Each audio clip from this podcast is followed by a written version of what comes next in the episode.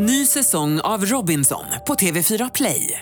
Hetta, storm, hunger. Det har hela tiden varit en kamp. Nu är det blod och tårar. Fan händer just nu. Det. är Detta är inte okej. Robinson 2024, nu fucking kör vi! Streama söndag på TV4 Play.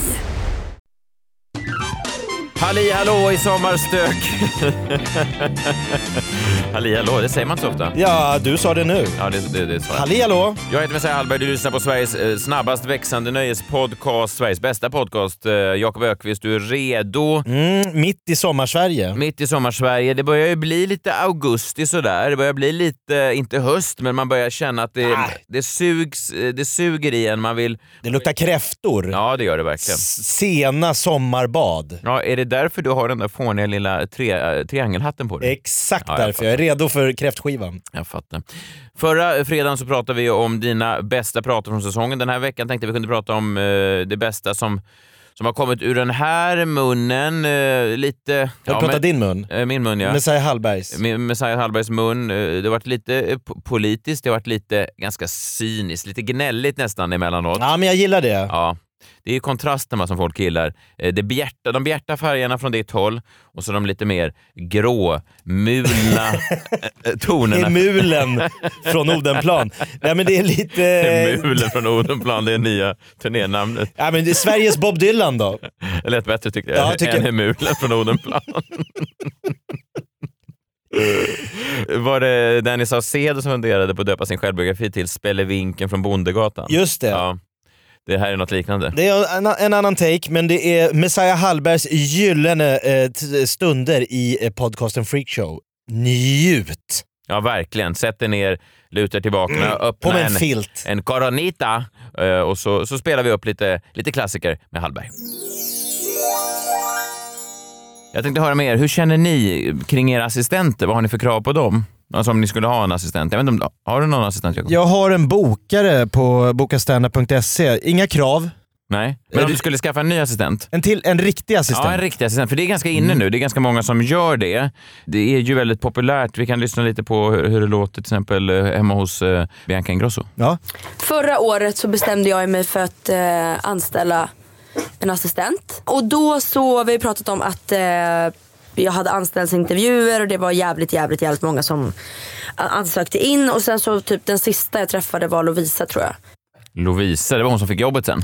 Av alla tusentals. Ja. Och, och jag får ibland förfrågningar också. Det, det händer i alla fall så här, säg, två gånger per år Mhm. att det är någon som vilsen själ som säger eh, hej, jag kanske skulle kunna komma och eh, bli assistent hos dig. Är det så? Eller sekreterare. Och då tänker jag alltid vad de skulle göra, för det vet jag inte riktigt. Nej, man kan väl alltid hitta grejer att göra. Jo. Alltså det, om man tänker själv så här, men det här vill ju inte jag göra, gå och hämta det eller fixa det. Så det skulle ju vara skönt om någon kunde. Så jag antar att det, man, det, man kommer på, alltså man börjar med att anställa assistenten, sen kommer man på vad de ska göra. Jo, jag lever ju, alltså, visst jag har ett stressigt liv ibland sådär, men jag, jag känner ju inte att jag har, jag jobbar inte lika mycket som Bianca Ingrosso. Vi kan höra här hur Biancas assistent beskriver Biancas arbetssituation. Sen satte ju också ditt jobb fart mycket mer efter det. Det var ju lite lugnare i våras än i höstas. Då kanske vi jobbade 100%, sen jobbar vi 300%. Ja. Typ. Vänta lite här. 300. Intervjuar hon sin egen assistent? Ja, vi kommer till det sen, men jag menar bara vi kan vara överens om... Det är ju en arbetsuppgift då. jo, jo, Det var det första de kom på. jo, men man kan i alla fall vara överens om att 300% är jättemycket. En vanlig Otroligt. arbetsdag är åtta timmar och Ja. så åtta gånger tre, då är det 24. Det är ingen vila. Då kan man förstå att de blir utbränd. Verkligen. Då behövs en assistent. Ja, då behövs det kanske fler assistenter. det är ju Eh, ett helt dygn. Ja, det är det verkligen. Det fanns ett avsnitt av Seinfeld där de tog upp det här då, där Kramer plötsligt kom in i Jerrys lägenhet och hade med sig en, en assistent. So that's the bedroom. Here's the bathroom. you need to familiarize yourself with the kitchen. Yeah, go ahead and look through some of the drawers. And you are? Oh, hey, I'm Darren. I'm new here. Yeah, that's Jerry. You don't have to worry about him. Han bara bor Go across the hall and get started on that mail. Right. Okay, good. Ja, han skickar Get iväg started honom. on that mail. Han ska öppna Kramers post. Det jag kommer att tänka på alltid när jag såg den här Seinfeld-scenen då, där en ung intern gör eh, praktik hemma hos Kramer och Kramerica Industries, vilket då består mycket av att svara i telefon och han säger att line 1 och line 2, line 1 är hemma hos mig och line 2 är hemma hos Jerry som är Ja, jag grannen. tror till och med att det är line 1 som är hemma hos Jerry. Okej, ja. det är lite förvirrande lyssnarna. I min gymnasieklass så hade jag två eh, killar, vi kan kalla dem kille A och kille B. väldigt inkognito. så jag vill inte, in- nej. nej. Kille A Ja. Eh, Det gick eh, bra för honom i livet. Gjorde det? Ja, men det är ändå. Han tjänar lite pengar, driver lite företag. Kille B, Nej då. nej men... Ja, det kändes som att det var en olycka som låg och väntade. nej, nej, nej, men kille B drev inte lika många företag. Nej, okej. Sen... eh, Ja, så, du, du kopplar lycka till framgång i yrkeslivet? Nej, men de här eh, hänger ihop då. De är som ler och långhalm. De är som hela och halvan, kille A och kille B. Förstår du? De är som en duo. Ja. Bara att kille A driver företag. Kille B Driver runt? Driver runt, ja. Och då eh, berättar John för mig, för jag tappade lite kontakt med kille A och kille B. Eh, det är så svårt att skilja dem åt. och då berättar du, farbror John, att kille B nu jobbar som kille A's assistent. Ah, Ja, men usch. Ja, precis. Nej, men den ena då är ju rätt framgångsrik, startade lite företag. Det är kille A. Ja, exakt. Och han behövde en assistent. Ja. Eh, han hade mycket på gång och sådär. Och då eh, låg ju då kille B nära till hans, antar jag. Han var alltid där. Ja, men han var där och han ville väl också han ville väl vara en, en en del av framgången på något sätt. Ja. Eh, så han fick ju då eh, det här assistentjobbet. Ja. Det är väl idiotiskt upplägg tycker jag. Jag kommer ihåg när jag träffade Blondinbella för en herrans massa år sedan. Hon sa, ja men det som är så bra, jag anställer bara kompisar, mina vänner och så blir de en del av min liksom, organisation.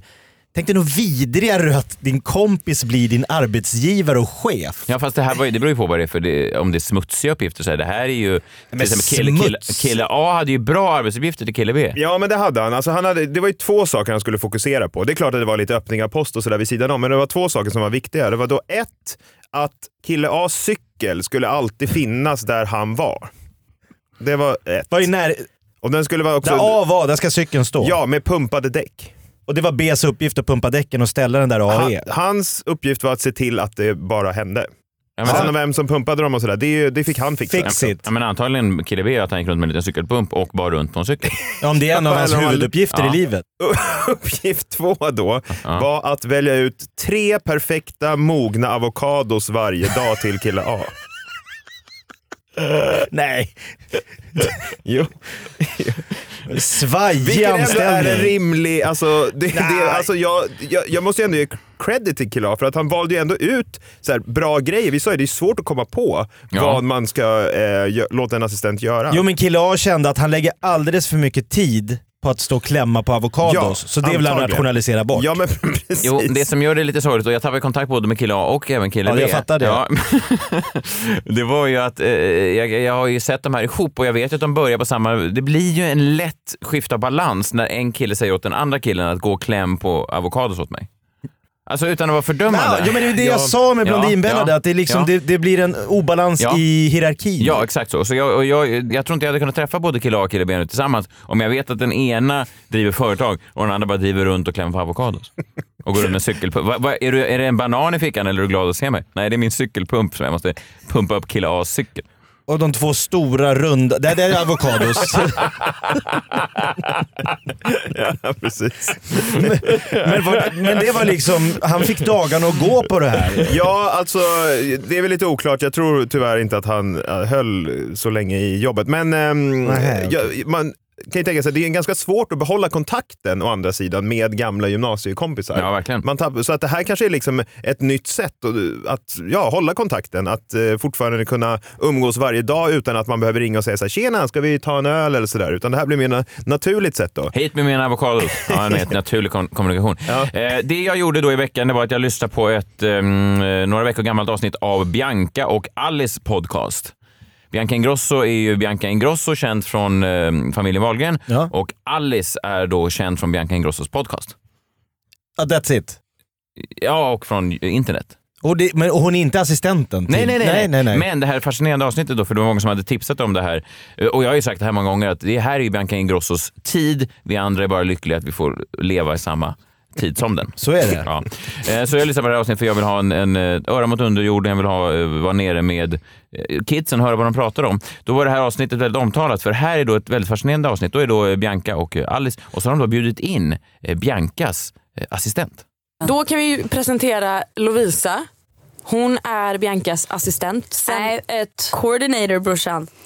Ja, coordinator. Och det här är väldigt populärt då, har jag förstått, bland den nya generationen. För att även Bianca Ingrossos eh, kompis Alice är också nu på jakt då efter, ja, hon, är, hon vill också ha en. I förra veckans avsnitt sa jag, eh, i och med att jag söker assistent, Hon söker också så sa jag att jag har lärt mig så mycket av eran alltså, Ja. så här, Process. Exakt. Ja. Så att Alice har lärt sig en hel del. Vi ska gå in på intervjun sen, men Alice har redan eh, på den här nivån lärt sig en del av bara hur Bianca Ingrosso behandlar sin assistent. Eftersom Mm. hon också behöver en assistent för alla saker som hon då inte... Som ser läromästaren. Ja. Så där gör man med Men assistenter, kan de inte- jag ska göra likadant. Kan de inte ha en, en gemensam assistent? De här podd, eller de vill ha, eh, hon vill ha en egen helt enkelt? Ja. Ja, jag förstår. Och jag tänker att det är ett tecken på att man är väldigt framgångsrik. Alltså jag känner ju ibland viss mått av framgång, nåja, men jag, väldigt sällan jag känner att jag ska behöva en assistent för det här. Men det är kul för unga eh, personer när det går bra för dem. Men jag tror Bianca skulle tycka att dela assistent med, med, med Alice, det, det är lite sossigt.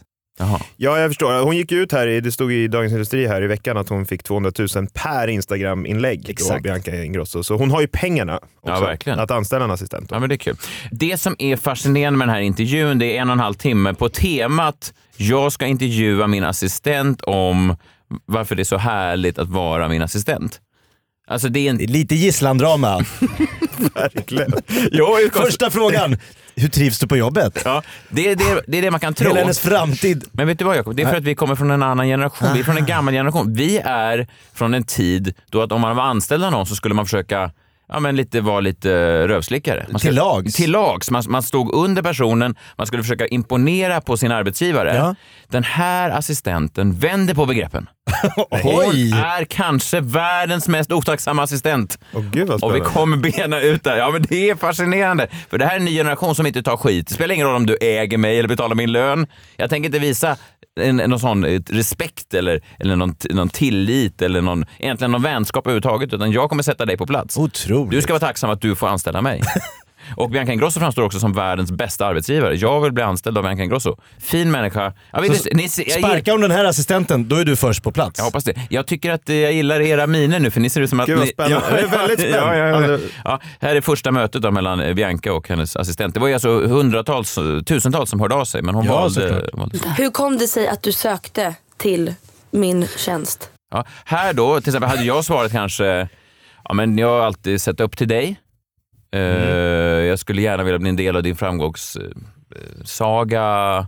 Sett dig på tv, tycker du verkar fantastisk person. Så. Eller det hade kun, eh, gamla generationer hade nog svarat lite så. Jag har alltid haft en dröm att få hjälpa dig i livet med allt som du inte orkar. Ja. Eh, Men då, nya generationen, helt annorlunda. Hur kom det sig att du sökte till min tjänst? Alltså, det är det jag tror lite som du tyckte om med att jag var inte ett fan av dig. Alltså, jag kollade första säsongen av Wahlgrens värld. Jag gillar inte din personlighet alls. Oj. det är jävla sjukt. Jag läste inte din blogg. Jag följde dig på Instagram tror jag. Tror jag. Sen var jag bara så trött på mitt jobb och allt jag gjorde och ville bara göra något nytt. Det var mer det. Ja, det Oj, vad konstigt. Ja, det, det här är var- nästan lite jobbigt att höra. Nej, men det- hon var lite trött. Eh, Det visade sig att hon var 20 år och hon hade eh, jobbat ett halvår. Ogillade Bianca eh, hårt Ja, hon efter hon hade sett henne i Wahlgrens värld. Hon följde henne inte på Instagram tror hon Kanske inte. Kanske Instagram. Instagram. Men Ja. liksom, det var den grundinställningen ändå. Men hon är ju precis som då alla mina äldre släktingar tänker att dagens ungdom är idag. Alltså man har jobbat ett halvår och är lite trött. Hon var helt utbränd på sitt gamla skitjobb och tänkte att kan inte den här haggan från Wahlgrens värld anställa mig? tror att jag följde dig på Instagram. Det är ju väldigt, ja. Vi fortsätter att höra lite. in. Ja, så ringde jag upp dig och så blev du min assistent. Och då, Bianca är supernöjd med det hon hör. Alltså här. Hon bara ringde upp och gav henne jobbet. Ja, tänk- Av tusentals. Av tusentals. Det här är, det, det är fint ändå. Tycker jag att hon är så... Hon vill inte ha någon rövslickare. Nej, det är väl det. Hon vill inte ha Hon- någon som är... Nej men det är väl som att man vill ha någon som spelar lite svår då kanske. Ja. Det är klassisk psykologi. Klassiskt. ja, så ringde jag upp dig och så blev du min assistent. Och då har jag en fråga, var du nervös när du började? Alltså jag var inte nervös men nej. det var ju inte så att du, det var tydligt vad jag skulle göra. Nej. Det var, det var ju väldigt oklart. Väldigt oklart. Jag kommer ihåg jag gick runt i typ så två veckor och hade ingenting att göra. Du svarade inte.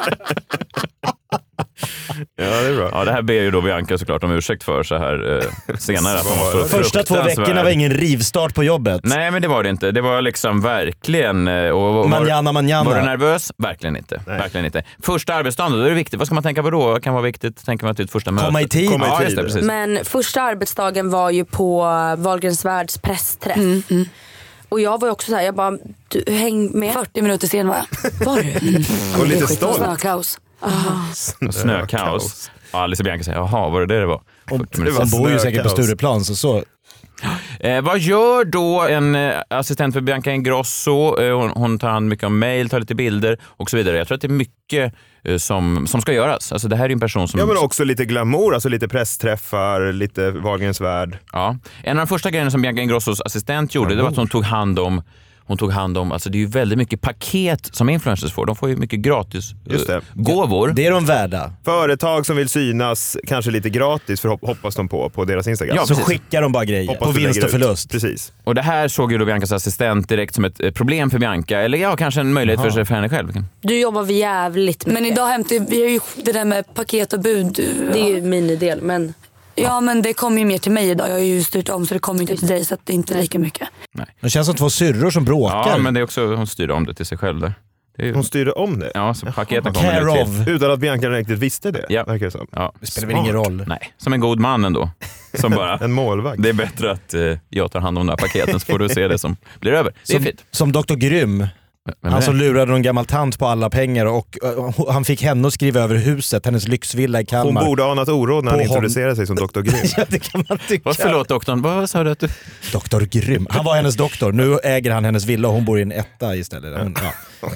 Nej, men det var ju fascinerande. Jag tycker vi, vi kan forska lite mer i det här intrycken innan, för att det här vill Bianca gärna veta. Hon log och, och, och sa visst fine, jag fattar att du inte gillar mig, men det kan inte ha varit så illa som du uttryckte, eller hur? Det fanns ändå saker som du fanns tyckte någon om. kärlek. Ja. Vad var din tanke om mig och min familj innan du lärde känna mig? Första säsongen av Wahlgrens värld. mm, Jag tyckte verkligen inte om dig. Men varför? Ja, men du, var, du var dryg, du var otacksam. Sen var ju det säkert TV. Ja. Men du, den rollen, du gick all in Ja. för den rollen. Och så läste jag inte din blogg så jag fick ingen uppfattning därifrån. Nej. Så att jag hade nog bara, jag tyckte du var omogen. Men, va- oj. Jag undrar varför hon sökte jobbet. Bra självförtroende att sitta men och visst prata. är det Alltså, det är otro- alltså, men det är otroligt. Det är, hon är dessutom några år yngre än Bianca, det är liksom så här, du var omogen. Men hon ser inga, Nej. inga hierarkier. Men Bianca har, kanske gillar det här. Ja, alltså, men- hon men- är ingen sucker. Men Bianca ger sig inte. Nu börjar Bianca till och med försöka förtäcka frågorna genom att prata om sig själv i tredje person. jag, jag gillar också att hon ställer frågorna som att hon läser från en lapp på ett muntligt förhör. Hon gör Som att det det inte är hon att som, har, här- som har skrivit frågorna. Nej, precis. Men Det är det, assistenten som har skrivit sina egna. Skriver du några frågor till den här intervjun jag ska ha med dig senare?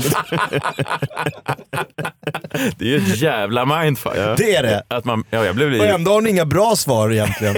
Nej, men vi kan höra Bianca Ingrosso ställa Ja. en fråga här från... eh, Ja, det, Bianca frågar lite vad egentligen tycker du om Bianca? Okej. Vad har Bianca lärt dig både positivt och negativt? Här vill man ju då ha... Ta det positiva Ja. först. Alltså är det någonting du har så här fångat upp eller snappat upp eller lärt dig av? Alltså så här, förstår du vad jag menar? Ja, men typ, jag har ju lärt mig jättemycket av er. Både att så här, jag är Här eh, ska vi vara tydliga med att, eh, jag har klippt till det här då, eh, assistenten hittar inget positivt. Så att Bianca måste själv börja berätta vad hon Olika har lärt förslag. sig av assistenten. Ah. Nej, nej, nej. Jaha, vad som är positivt med assistent? Hon vänder på frågan. Ja, innan assistenten, för assistenten tar så lång tid på sig att svara. Så att Bianca tycker att tystnad blir jobbig så att hon måste då börja beskriva vad hon uppskattar hos assistenten istället. För assistenten sitter bara och kliar sig i huvudet så här. Positivt sa du. är det ändå hon som har ställt, skrivit Gud, frågan. vilken svår fråga. Ja, och då ger ju Bianca då exempel på exempelvis hur positivt omdöme kan låta. Det är ju fint. Att hon liksom ger Mm, assistenten lite uppslag. Hon leder in henne lite grann. Ja. Smart. Och, ja. Ja, men typ, jag har ju lärt mig jättemycket av er. Både, att, så här, jag är, att, både som att vara vän med er men också att jobba med er. Men frågan är... Berätta du då. Vad sa du? Kan inte du berätta först? Ja, men, Assistenten gud, hör ska ännu jag mer. komma på Oj, hon trycker Spottar Men jag ska komma på. Ja, men det är kul att höra spotta på henne. om du sa att du hade lärt dig grejer. Ja. Det är, ja, Otroligt. det är ingen pleaser. Nej, det är verkligen inte om du har lärt dig. Och, och, och hon är, och assistenten, men du kan berätta. Berätta du då. Du sa ju att du hade saker. Du sa ju det. Kan lyssna lite till till, till slut. Så, till slut kanske hon kommer på något. Ja, är det någonting du har snappat upp som är så här, men det här är något positivt som jag har tagit med mig av att jag har träffat, kommit in i vårt liv? Alltså om du inte kommer på någonting nu. Men vad fan är det Jo men man vill bara pågår? så här, Hitta inte på säga. något. Ah. Kan vi komma tillbaka till den här frågan sen? Okej. Mm, tack. Ja, det blev... Otroligt. Kan vi Men vem åter- är det? Nu är jag lite nyfiken på henne. Ja men alltså till slut så får de be liksom, du kan inte hålla på och sätta sån här press på mig som assistent. Jag är inte anställd för att komma med positiva saker. Kan vi återkomma till frågan sen? Som en politiker som har kommit ut från en bordell. Och så vad gjorde du där inne? Kan, kan jag få bara några... Rätta Kan till vi slipsen fokusera på- innan vi... Den här reformen jag pratade om. Men sen visar det sig faktiskt att folk runt omkring Bianca tycker ändå att assistenten kanske är lite, ja, gör hon något egentligen? Så då får hon ha liksom ett utvecklingssamtal med några andra människor i Biancas stab. Eh, och då kan man ju tänka sig att då skärper man till sig. Liksom, för att får man höra uppifrån att man inte riktigt gör ett bra jobb, då, eller hur? Så är jag från den gamla Ja, generationen. ja men det, absolut. Ja, men man lägger sig kanske lite platt och tänker att oj då, nu måste jag lyssna på de som vet mer. Men den nya generationen, det är en helt annan stil. Och eh, ni skulle ha ert första utvecklingssamtal. Du var så nervös inför det mötet. Nej jag var inte det. Jo. Var inte Nej det. på riktigt jag var inte det. Men, jo men sen ni måste också förstå, jag hade ju aldrig fått. Vi hade aldrig suttit ner någon gång innan. Nej jag, är 100, jag förstår dig till 100 procent. Ja, alltså det var ju så. Jag hade ju behövt det där för typ en månad sedan. Ja. Det var ju för sent. Det var för, För sent. sent. Kritiken var för sent. Alltså, Bianca Ingrosso hade brustit redan då i, i eh, Redan när hon får kritik så säger hon att det här är för sent. Det är som mig att den gå, fram och klaga på en pilot när planet störtar. Liksom. Det, det spelar ingen roll. Nej, det borde ni ha tänkt på Säg innan. dina, kom med din konstruktiva kritik. Men det, vi we're going down. planet istället. Men då kan man, det här, är, här får ni tänka till, för här är det lite som ett talesätt. Kommer ni ihåg det här gamla eh, klassiska som fanns? Ge en man en fisk och han blir mätt för dagen. Lär honom att fiska och han blir mätt för resten av livet. Lao Tzu, eh, klassiskt asiatiskt. Otroligt Det bra. fint. Det är starkt. Det här är då en variant av det, eh, tror jag, som då eh, Biancas assistent tog med sig från den här kritiken hon fick. Vi kan se om ni kan ut Det här är lite för den nya eh, sociala medie-influencergenerationen tror jag. Fattar. Försök tänka två steg längre. Ja, den, den var faktiskt sann. Den var jätte... Typ, typ om Bianca säger så här, eh, jag är hungrig. Då kanske jag som tänkte bara, om hon är hungrig. Men då berättade hon exempel med Dennis med att du var hungrig och att han hade köpt en macka. Och det, typ så här, jag är hungrig. Då kanske jag ska tänka, vill du ha mat nu? Förstår ni? Då ska jag kanske gå och köpa någonting. Förstår ni? Alltså förut var det ge en man en fisk han blir mätt för dagen, lär honom fiska han blir mätt för resten av livet. Nu är det mer, men om man är hungrig ska man istället för att köpa en macka tänka, du vill ha mat nu, då kanske jag ska köpa någonting. Det är lite Nej, om mer... någon säger jag är hungrig, då kanske assistenten ska gå och köpa något så att den som säger att den är hungrig inte ska fortsätta vara hungrig. Vi kan bara försöka snabbt. Då kanske jag som tänkte om hon hungrig. Men då berättade hon exempel med Dennis med att du var hungrig och att han hade köpt en macka. Och det, typ så här, jag är hungrig. Då kanske jag ska tänka, vill du ha mat nu? Förstår ni? Då ska jag kanske gå och köpa någonting. Jag förstår Men fortfarande vad, inte. vad menar hon kanske? Hon, hon, hon vet fortfarande inte riktigt. Nej, men det här var det hon tog med sig från kritiken. Eh, Hon jobbar på och nu är det en supersuccé. Nu har hon liksom hämtat sig eh, från den här första fadäsen och eh, det är väl härligt. Och när man jobbar på bra, efter ett tag, efter några månader, så vill man väl ha löneförhandling. Eller hur? Då vill man förhandla upp lönen lite grann. Den Eller här hur? ingångslönen, nu har jag visat fram fötterna. Ja, och Bianca pitchar det här själv. Hon säger så här, jag kan erbjuda dig en rejäl löneförhöjning.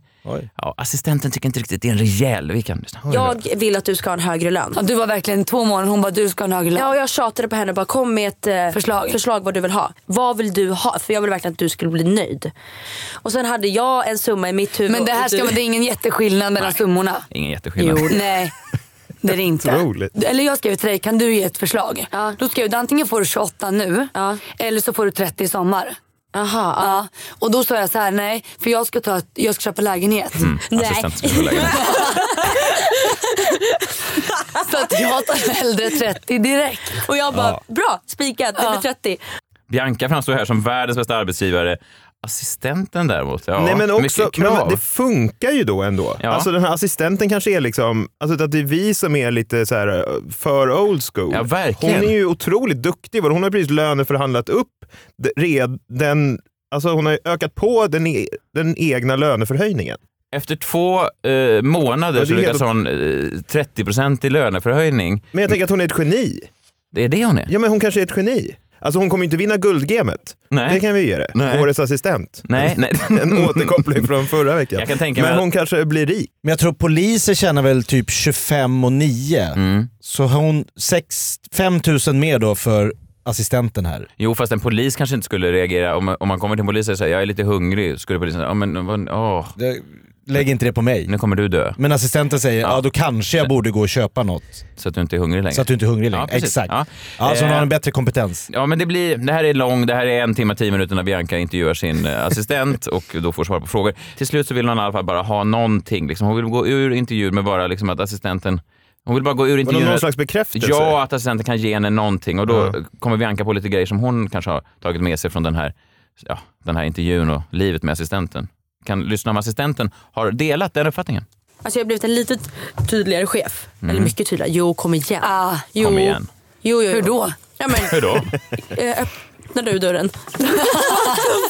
Absolut inte. Nej, jo lite mer så här, men du gör det, jag gör det. Kan du kolla det? Kan du göra det? Förut vågade du inte ens säga så här, kan du kolla mejlen? Mm, sant. Ja. Men det är Ja. inte jättestort steg. Kom, jo, lägg av. Nej. Lägg av, det är det visst. Nej. Jo, Nej. jo, det tycker jag. Jag kom på en till dålig grej med dig. Oj, okej, här kommer det. Ögonkontakt.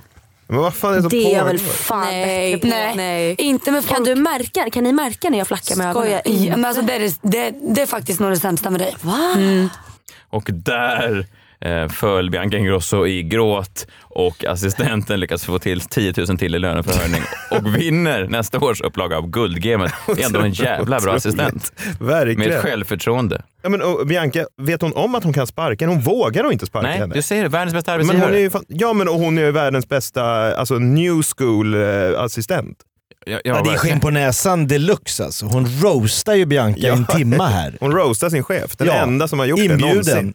Men vad tar vi med oss om det här? Och Många kanske har förutfattade meningar om assistenter som jobbar för influencers. Alltså många kanske tänker att, hörru du, försöker du bara ta dig in Just det. i smeten, försöker du bara bli vän med Bianca? Lisma dig Ja, in. ja, ja, nej, nej. Nej. Ing, inget sånt. Jag får ju ofta frågan så här, är du här för att bli en influencer typ? Och det är en jätteknäpp fråga också för att du kan ju... Det finns ingen som provocerar mig så mycket. Ja. Nej men du, du influerar ju vare sig du vill eller inte. Vare sig du vill eller inte. Vissa saker i livet är bara givna. Man kan inte välja det själv. Vill ni följa hennes kamp mot att vägra kalla sig influencer? Kan ni följa henne på Instagram? Ät Lovisa Vorge. Hon har just nu 33,7 tusen följare där hon lägger upp selfies på sig själv. Ja, Spännande. ja. Behöver en assistent snart. Ja, ja. Ny säsong av Robinson på TV4 Play. Hetta, storm, hunger. Det har hela tiden varit en kamp. Nu är det blod och tårar. Fan händer just det. Det är detta inte okej. Robinson 2024, nu fucking kör vi! Streama söndag på TV4 Play. Poddtips från Podplay. I podden Något Kaiko garanterar östgötarna Brutti och jag, Davva, dig en stor dos skratt. Där följer jag pladask för köttätandet igen. Man är lite som en jävla vampyr. Man har fått lite blodsmak och då måste man ha mer. Udda spaningar, fängslande anekdoter och en och annan arg rant. Jag måste ha mitt kaffe på morgonen för annars är jag ingen trevlig människa. Då är du ingen trevlig människa, punkt. Något Kaiko, hör du på Podplay. Därför är gardinerna. Är ni redo att prata lite om eh, verkligheten? Alltid. Verkligheten. Den vill man ju eh, höra eh, mer om, generellt sett känner jag. Alltså man vill ju ta ställning till den. Den låter ju kanon, verkligheten. Alltså det är mycket bättre än falskheten, det förljugna. Jag lyssnade på en podcast här jag brukar lyssna på Kvartals veckopanel. Eh, Kvartal är väl en något lätt högerlutad sajt, men ändå väldigt bra journalistik som görs varje vecka. släpper de en veckopanel där olika eh, debattörer får diskutera ämnen. Och eh, för någon vecka sedan hade de ett avsnitt eh, där då eh, verkligheten kom upp eh, ganska ofta. Vi kan bara eh, lyssna lite på hur det lät här i Kvartalsstudio för eh, några veckor sedan. Men jag tänker ändå på att eh, när Moderaterna vill tillsätta den här kommissionen så är det ändå att, att eh, bejaka och anamma och erkänna verkligheten. För det har man ju inte gjort tidigare, nämligen att integrationen kopplad med en stor invandring det är, ju, det är ju den verklighet som människor har levt med. En av mina favoriter när det gäller att kommentera eh, politiken är Vidar Andersson i Folkbladet. Han har ju länge pekat på detta. De politiska partierna har inte utgått i sina program och diskussioner från det som är verkligheten. Men jag menar ändå att det är bra att det här partiet kommer, till, kommer ner på verkligheten och beskriver att det här måste vi attackera. För det är, detta är människornas upplevda verklighet. Ja, men, men spelar det någon, det någon roll alltså, om vi ser till verkligheten som den är? Ja, det spelar väl roll för Ja, spelar en roll hur om- vi ska göra framåt. Ja, vi ska göra framåt. Men alltså, eftersom vi har ett problem idag i verkligheten så spelar det ju inte någon roll varifrån problemen kommer. Vi ser att problemen De är finns. där, finns där. Och jag tycker också återigen att, eh, att eh, väcka den frågan är också att gå tillbaka till människors verklighet. Jag ska sätta en rubrik på det här programmet sen och jag vet att två ord kommer vara med. Ansvar och verkligheten. Så får vi se hur jag kombinerar Mm. de där eh, sen. Ja, men det är ju generellt Vilka sett... swoshar du har lagt in. Det är ett jättejobb. Nej, men det här var alltså, säg fem minuters prat, eh, hundra näm- benämningar av verkligheten. Och verkligheten är ju såklart väldigt spännande. Alltid aktuell får man säga. Verkligheten. den finns där. Ja, det är alltid, har jag lagt märke till, en viss typ av verklighet som man måste ha den här respekten för att lyssna på. Alltså, eh, verkligheten, det kan ju låta när man får säga det som att den är statistiskt underbyggd eller faktamässigt belagd. Men det är alltid snarare en, en känslomässig verklighet. Den ska då innehålla ett visst missnöje med eh, integrationen. Alltså det är liksom själva andemeningen, det är själva basen för den här verkligheten. Annars är det inte riktigt den verkliga verkligheten. Då är det bara någon slags sån PK-verklighet av någon som tittar på saker med skygglapparna på. Det är alltså en, en verklighet som man måste lyssna på där katastrofen och undergången står rätt bakom knuten bara. Det, det som händer i ett samhälle är aldrig isolerade händelser utan de är alltid, alltid ett tecken på att nu är verkligheten här och den måste vi lyssna på. Så är det ju i vissa områden i Sverige idag. Det är ju väldigt mycket verklighet. Väldigt mycket problem. Extra mycket verklighet. Ja, men extra mycket verklighet. Det brinner ju bilar ibland och, och rån och folk mördas och så vidare. Så det är ju jättemycket verklighet. Och det här är intressant för mig, för jag bor ju själv numera i ett sånt här ytterkantsområde i Stockholm. En no-go-zon? Nej, det är inte no-go-zon än, men det är, ligger i utkanten av Stockholm. Det heter eh, Norra Djurgårdsstaden. Det är... nej men, skratta Det är inte. verkligheten tränger sig på. Ja, det är en stadsdel i, i Stockholm som inte fanns faktiskt före 2015. Då, Oj. var, då var det bara eh, gamla gasklockor och lagerlokaler och sen bara drogs den upp. Stadsdelen kanske är mest känd för att Bianca Ingrosso flyttade dit. Men sen efter några månader insåg att husen där omkring inte hade de här tidstypiska detaljerna som hon uppskattar med sekelskifteslägenheter. Alltså, det är inte I och med så... att det inte är då sekelskift. Det är inte så hög takhöjd i de här Nej. husen. Ingen stuckatur. Väldigt få såna här öppna spisar. Inga serveringsgånger. Nästan ingen sån speciella ingångar för husan äh, i de här Alls? husen. Nej. det är så himla märkligt att de här lägenheterna byggda då från 2015 och framåt helt saknar den här typen av tidstypiska detaljer från tidigt 1900-tal. Väldigt lite Notre Dame. Ja, eh, hon köpte en lägenhet för några miljoner och sen sa hon, nej det här var ju inte alls. Alltså jag gillar ju en annan typ av Östermalms Hon är, lia." hon är nog van med en annan känsla när man går in. Ja, så eh, då har hon eh, precis flyttat från Norra Djurgårdsstaden. Men eh, vet ni vad? Bianca har lämnat. Nu finns det tid för en ny sheriff i stan. Det är jag. Ja, det är Ja, det var du. tänkt att- ja. Ja, okej. Ja. Ja. Och det som är intressant då när man bor i ett sånt här ytterkantsområde, då vill man ju hålla koll på... Eh, No-go-zon. Ja, det är Ja, för inte... Bianca Ingrosso var det ju det. Ja, Hon det... kunde inte ens bo kvar. Nej, verkligen. Verkligheten trängde sig på. Ja, och vad gör man då när man flyttar till ett sånt här utsatt område? Man går med i en grupp som jag är med i. Den heter Vi som bor i Norra Djurgårdsstaden på Facebook. Ja. Det är... Ja, du har ju gillat den sidan. Jag är med i den. Hur, kan- Vilka mer är med i den? Är det någon som, mer som man känner igen som är med i den? Nej, nej, jag är den enda kändisen som bor där. Eh, Bianca drog ju. Men vet Ja, du vad, det, ja. Men Johanna, jag tror att det är bara bra tror jag. För att när man lyssnar på Kvartal och så vidare så vill man då åt den här verkligheten och känna människor ibland lite PK. Alltså de lever i en bubbla som Mhm. inte är i verkligheten. Schyffert till exempel, när var han senast i Rinkeby och dealade hasch? Nej, det är säkert Nej. jättelänge Eller sedan. Magnus Bettner, när var han senast nere i Thailand och eh, beställde hem en prostituerad kvinna? Han bor i Vällingby dock. Ja. Men jag menar bara att det, det, det, alltså de här tecknen på verkligheten som finns. Liksom. Det är otroliga argument. Nej, men det, är det. det är starkt. Ja. men det är lite rosa glasögon på dem. Ja, verkligen. Ja, verkligen. Men i den här gruppen då, där kan man läsa inlägg direkt ur den här verkligheten som Kvartal uppmanar oss till att ta del av. Ofta är det då inlägg, breaking news av typen eh, Cykelpumpen borta vid Ropstens tunnelbana är lite gömd bakom en reklamtavla. Eh, Den är dessutom sönder och likaså cykelpumpen på Bobergsgatan utanför Boomerangs kontor. De är sönder. Det är någon som har saboterat cykelpumparna. Okej, ja. Så, så det är, ja, kommenterar folk. kan vara nyheter som skräp i rabatterna längs Hamlingsgatan. Trist att folk slänger skräp i rabatterna längs Hamlingsgatan. Det var en, så var en bild. Var rädd av våra fåglar. Mata inte änderna med bröd. Ja, det är okej. Det är inga drive-by shooting. Nej, men det kom, eh, varför tortillabröden nere på Hemköp så himla hårda? Är det fler som har lagt märke till det här? frågar Kenneth. Mycket sådana nyheter. Men alltså du måste flytta. Ja, men sen då? Sen gör Ja. sig verkligheten påmind. Okej, nu händer det. Senaste veckan har det då skett två saker som har väckt eh, extra mycket diskussion och nu längtar folk tillbaks till den gamla goda tiden. i- Folkhemmet. Ja, folkhemmet. Eh, Så här är det ju. Det här är ju väldigt vanligt, alltså att folk längtar tillbaka till en tid som har flytt. Och det gäller även, det är inte bara folk med helsvenskt påbrå, utan även, jag hörde i veckan, Doggy Doggelito eh, som blev intervjuad här i eh, Ekot, Sveriges Radio. Vi kan bara lyssna vad han har för åsikt om Sverige idag. Sverige tappade sin identitet och försvann någonstans på vägen under de här 25 åren. Det, allt är bakvänt idag och man känner inte igen gamla Sverige. Allt står inte rätt till i konungariket Sverige idag skulle jag säga. Allt står inte rätt till i konungariket Sverige idag. Nej. Exempelvis får man ingen cykel på köpet längre. Vart är vi på väg? Ja, det var billigt, men jag var tvungen att... Hur länge ska Ja, man du, dra ha- själv? Ja, du hade ju cykelpumpskopplingen där. Jag tycker Ja, det är rimligt. Det var rätt snyggt ändå. Ja, jag fick inte. Tack.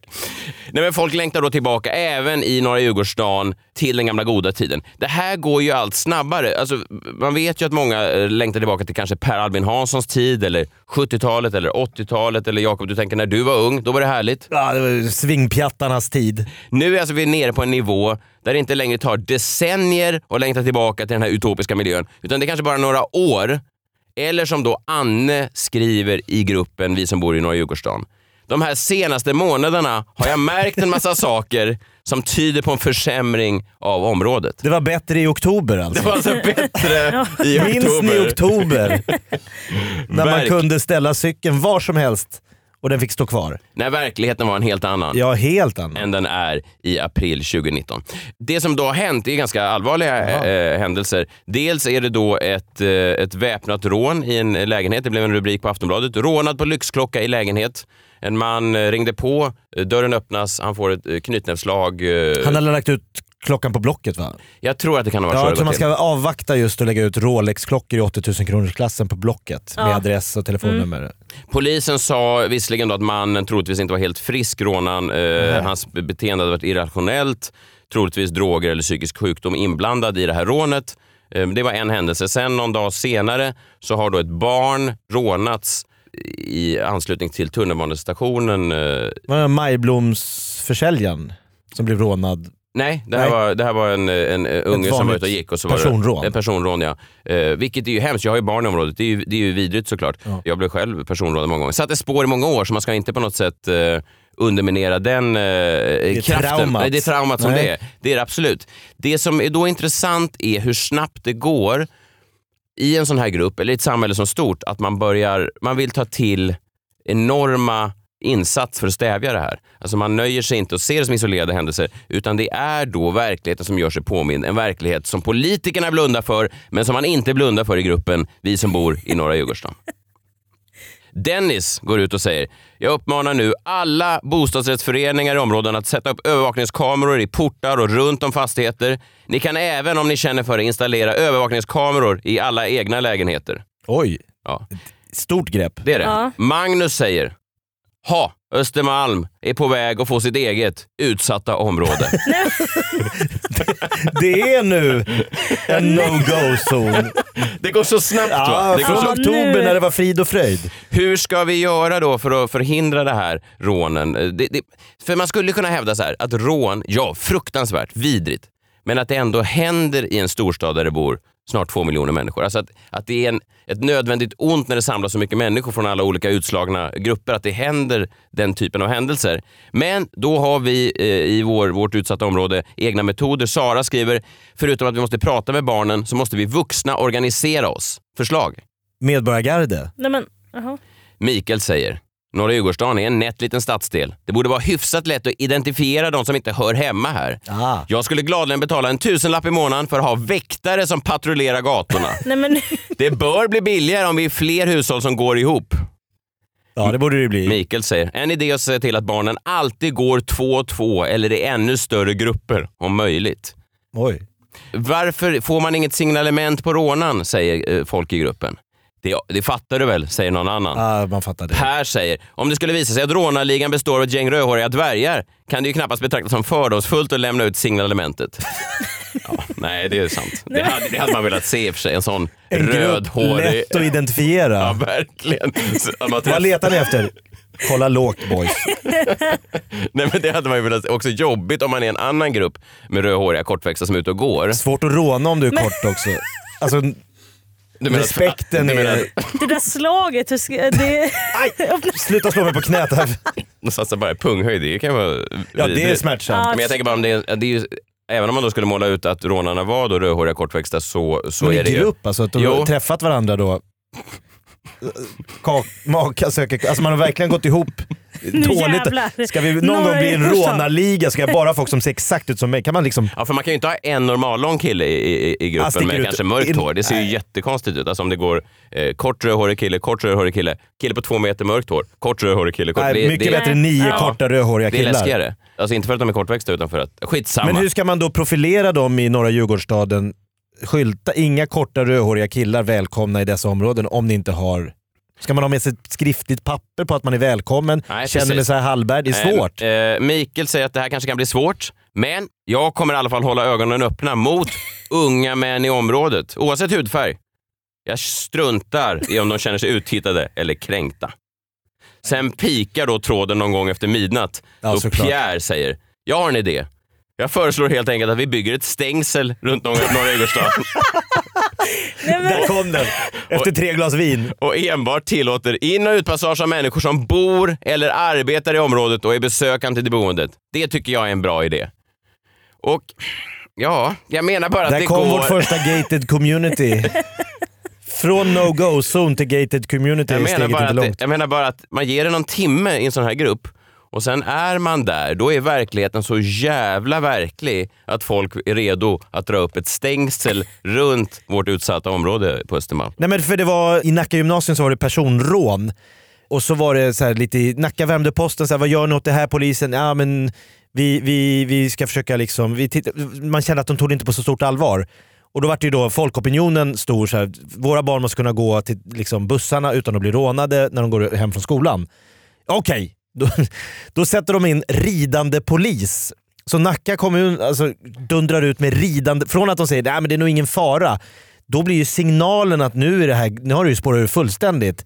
När det måste vara ridande polis runt gymnasieskolorna. Liksom. Då blir det, från ingenting till det. Jag tror att det finns, jag menar om, om ni Ja. börjar bygga det här liksom stora stängslet runt Ja. ditt bostadsområde för att en liten tjej råkat bli rånad. Det är att dra för stora växlar. Precis, det är det jag menar. Det, man borde kunna hålla det inom vissa... Det måste finnas en mellanlägen. Ja, jag tänker det. Men eh, det är ju lätt att sitta och håna folk som har en sån idealiserad bild av ett samhälle. Men sen kom jag på att det har ju fan eh, jag också alltså. Jag, jag är ju eh, född och uppvuxen i Vasastan i Stockholm. Eh, det är ett område som en gång i tiden var ett härligt och, och frodigt område när jag eh, växte upp. Fullt av eh, barn som eh, lekte med varandra. Eh, det var söndag med hög hatt på. Ja. Eh, Man niade i butikerna. Männen hade eh, monokel och käpp och, och, och kvinnorna hade könshår. Det var en helt annan tid. Det var trevligt. Ja, det var en helt annan tid. Om man ville ha en mjölk till exempel eh, när jag var barn, då kunde man bara eh, kasta ut en slant, en 20, genom fönstret till en liten unge som stod där. Och så Spring och köp. så sa man ekologiskt tack. Och det var ingen gangster som sprang iväg med pengarna, utan det var en liten unge som pep iväg till butiken och så kom han tillbaka och så sa han, här har du mjölken här. I en sån kanna fick man den. Det var otroligt fint. Hedlig tid. Ja. Det som sen har hänt då tyvärr med Vasastan och speciellt då Rörstrandsgatan där jag, där jag växte upp. Det är ju att det har blivit en plats för Sveriges alla rövhål. Ja, det är synd. Ja, det är så mycket inflyttade människor nu. Mäklarpappor och lattemammor. Ut från helvetet alltså. Sveriges samtliga rövhål Ja, alltså, det, på de en och samma största punkt. rövhålen i Borås har alla flyttat Som har fått lite extra cash. Ja, det, det, är alltså, det går inte att gå där längre. Men det är trevligt där på sommaren. Ja, men var kommer du ifrån Johanna? Var är du född? Vilken stad? När du- det- Spatserar igenom Vasaparken, då står Messiah och tittar. Nej, förfall. Nej, men då tänker jag, finns det en tidpunkt? Kan det vara så här att jag har fel och att det är bara en föreställning jag har om, eh, alltså en förställd bild av verkligheten, att det, att det har varit likadant hela tiden? När började förfallet i Vasastan? När började förfallet i Birkastan? Var det inte runt när jag var, säg 17 år? Var det inte runt då? Det finns en, ett café eh, mitt på Rörstrandsgatan eh, som heter Mellqvists kaffebar. Oj, oj, oj. Mm. Otroligt ställe. Hallå? Jag är sugen redan nu. Nej, men som det är en symbol för allt jag föraktar med förfallet i Vasastan. Vi kan bara läsa här. Mellqvists kaffebar är en självklar destination för stans kaffeälskare. Kaffet står i centrum, men både smörgåsarna och bullarna håller hög klass. På vardagarna slår man upp porten redan vid 06. Då kan du testa superfrukosten. Där valfri smörgås, valfri farmdryck, färskpressad juice eller äppelmust från Värmdö musteri ingår. Och icke att förglömma det populära kokta Mellqvist-ägget. Det står ingenting i den här texten. Jakob, det står ingenting i texten om att man kan gå dit och träffa på rövhål från Borås. Det står ingenting i deras säljtext. Ja, men det förstår man nästan. Vadå? De kunde ha klämt in det innan ägget. Men vadå, de träffar man ju överallt på Nej. hela Östermalm också. Fast Östermalm var ju, har ju alltid varit fullt av rövhål. Vasastan har ju Skillnaden blir ju mindre tydlig. Ja, Östermalm Man har- spär ut med mer rövhål. Man har ju kissat på Mm. uteliggare på Östermalm sedan tidigt 1800-tal. Ja. Mm, okej, ja. Det jag vill ha reda på, när öppnade det här helveteshålan? När öppnade det här kaféet? Finns det en tidpunkt, ett före och ett efter? Ja! Var det när Astrid Mellqvist- Lindgren dog? Nej, Mellqvist kaffebar öppnade 2001, när jag var 17 år. Det var då helvetet började. Det finns ett tydligt tidigt. Jag vill alltså tillbaka till Vasastan före 2001. Före 9-11. Före 9-11. 9-11 var inte den värsta katastrofen som inträffade 2001. Det var när Mellqvist jävla kaffebar Slog upp slog dörrarna. upp dörrarna på Rörstrandsgatan och det populära kokta Mellqvist-ägget gjorde sitt intåg. Det är faktiskt sjukt skrivet. Man får inte skriva så. Nej. Nej. Nej, så jag menar bara att jag tänker att vi alla har det här som händer i min stadsdel Norra Djurgårdsstaden. Alltså vi har alla en idealiserad bild av samhället, eller av den här förändrade verkligheten som vi också kan säga. Eh, vi måste bara inse att det här då är en del av det mänskliga sinnet, men vi måste också försöka se till att vi är medvetna om den, att man reagerar på saker som händer, men att man kan göra det logiskt och i lugn och ro, att man liksom hajar till innan man börjar pitcha ett stängsel kring sitt bostadsområde.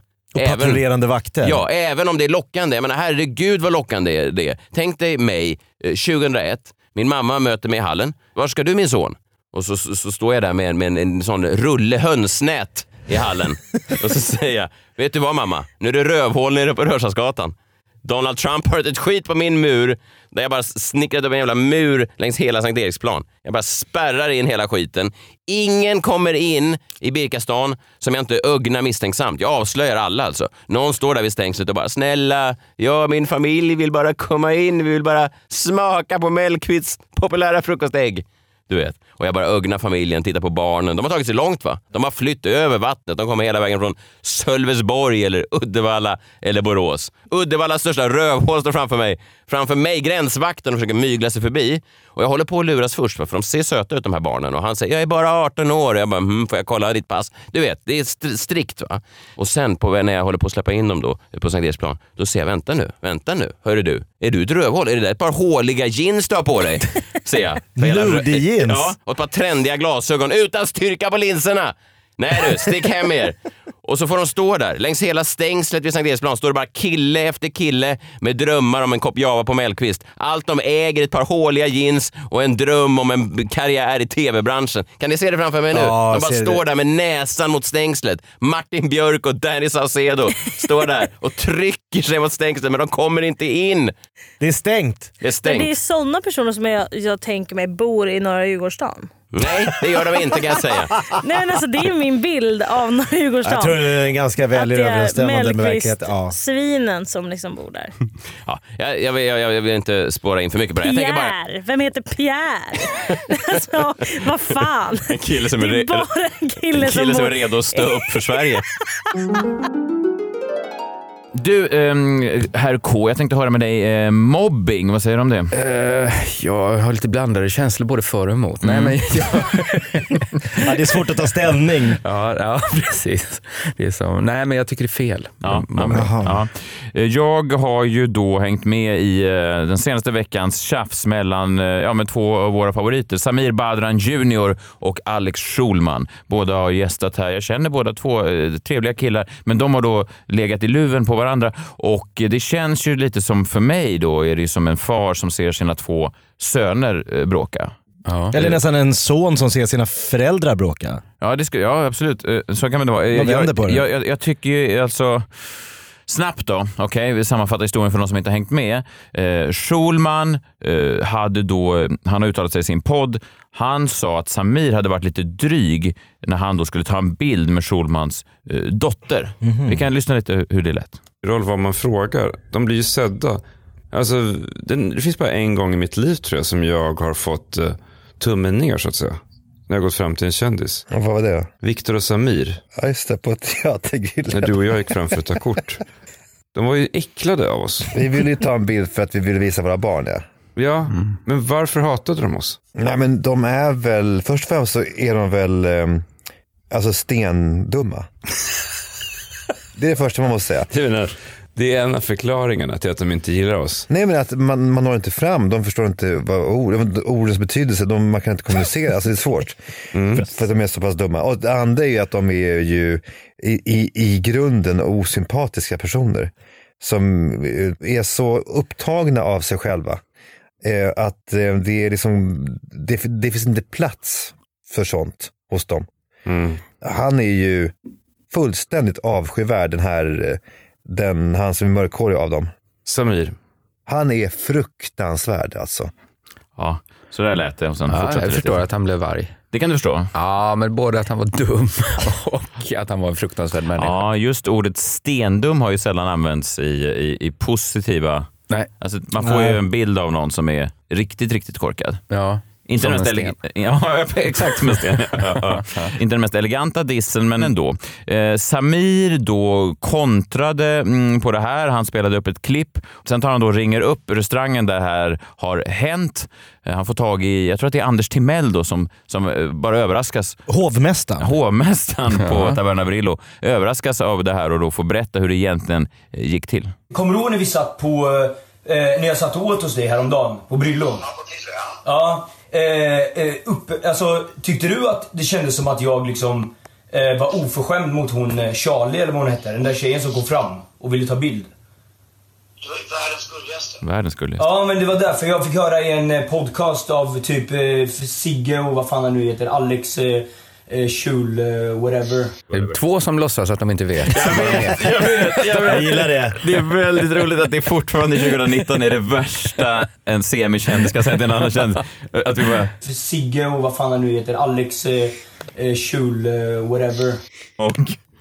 Fullständigt avskyvärd den här, eh, den, han som är mörkhårig av dem. Samir.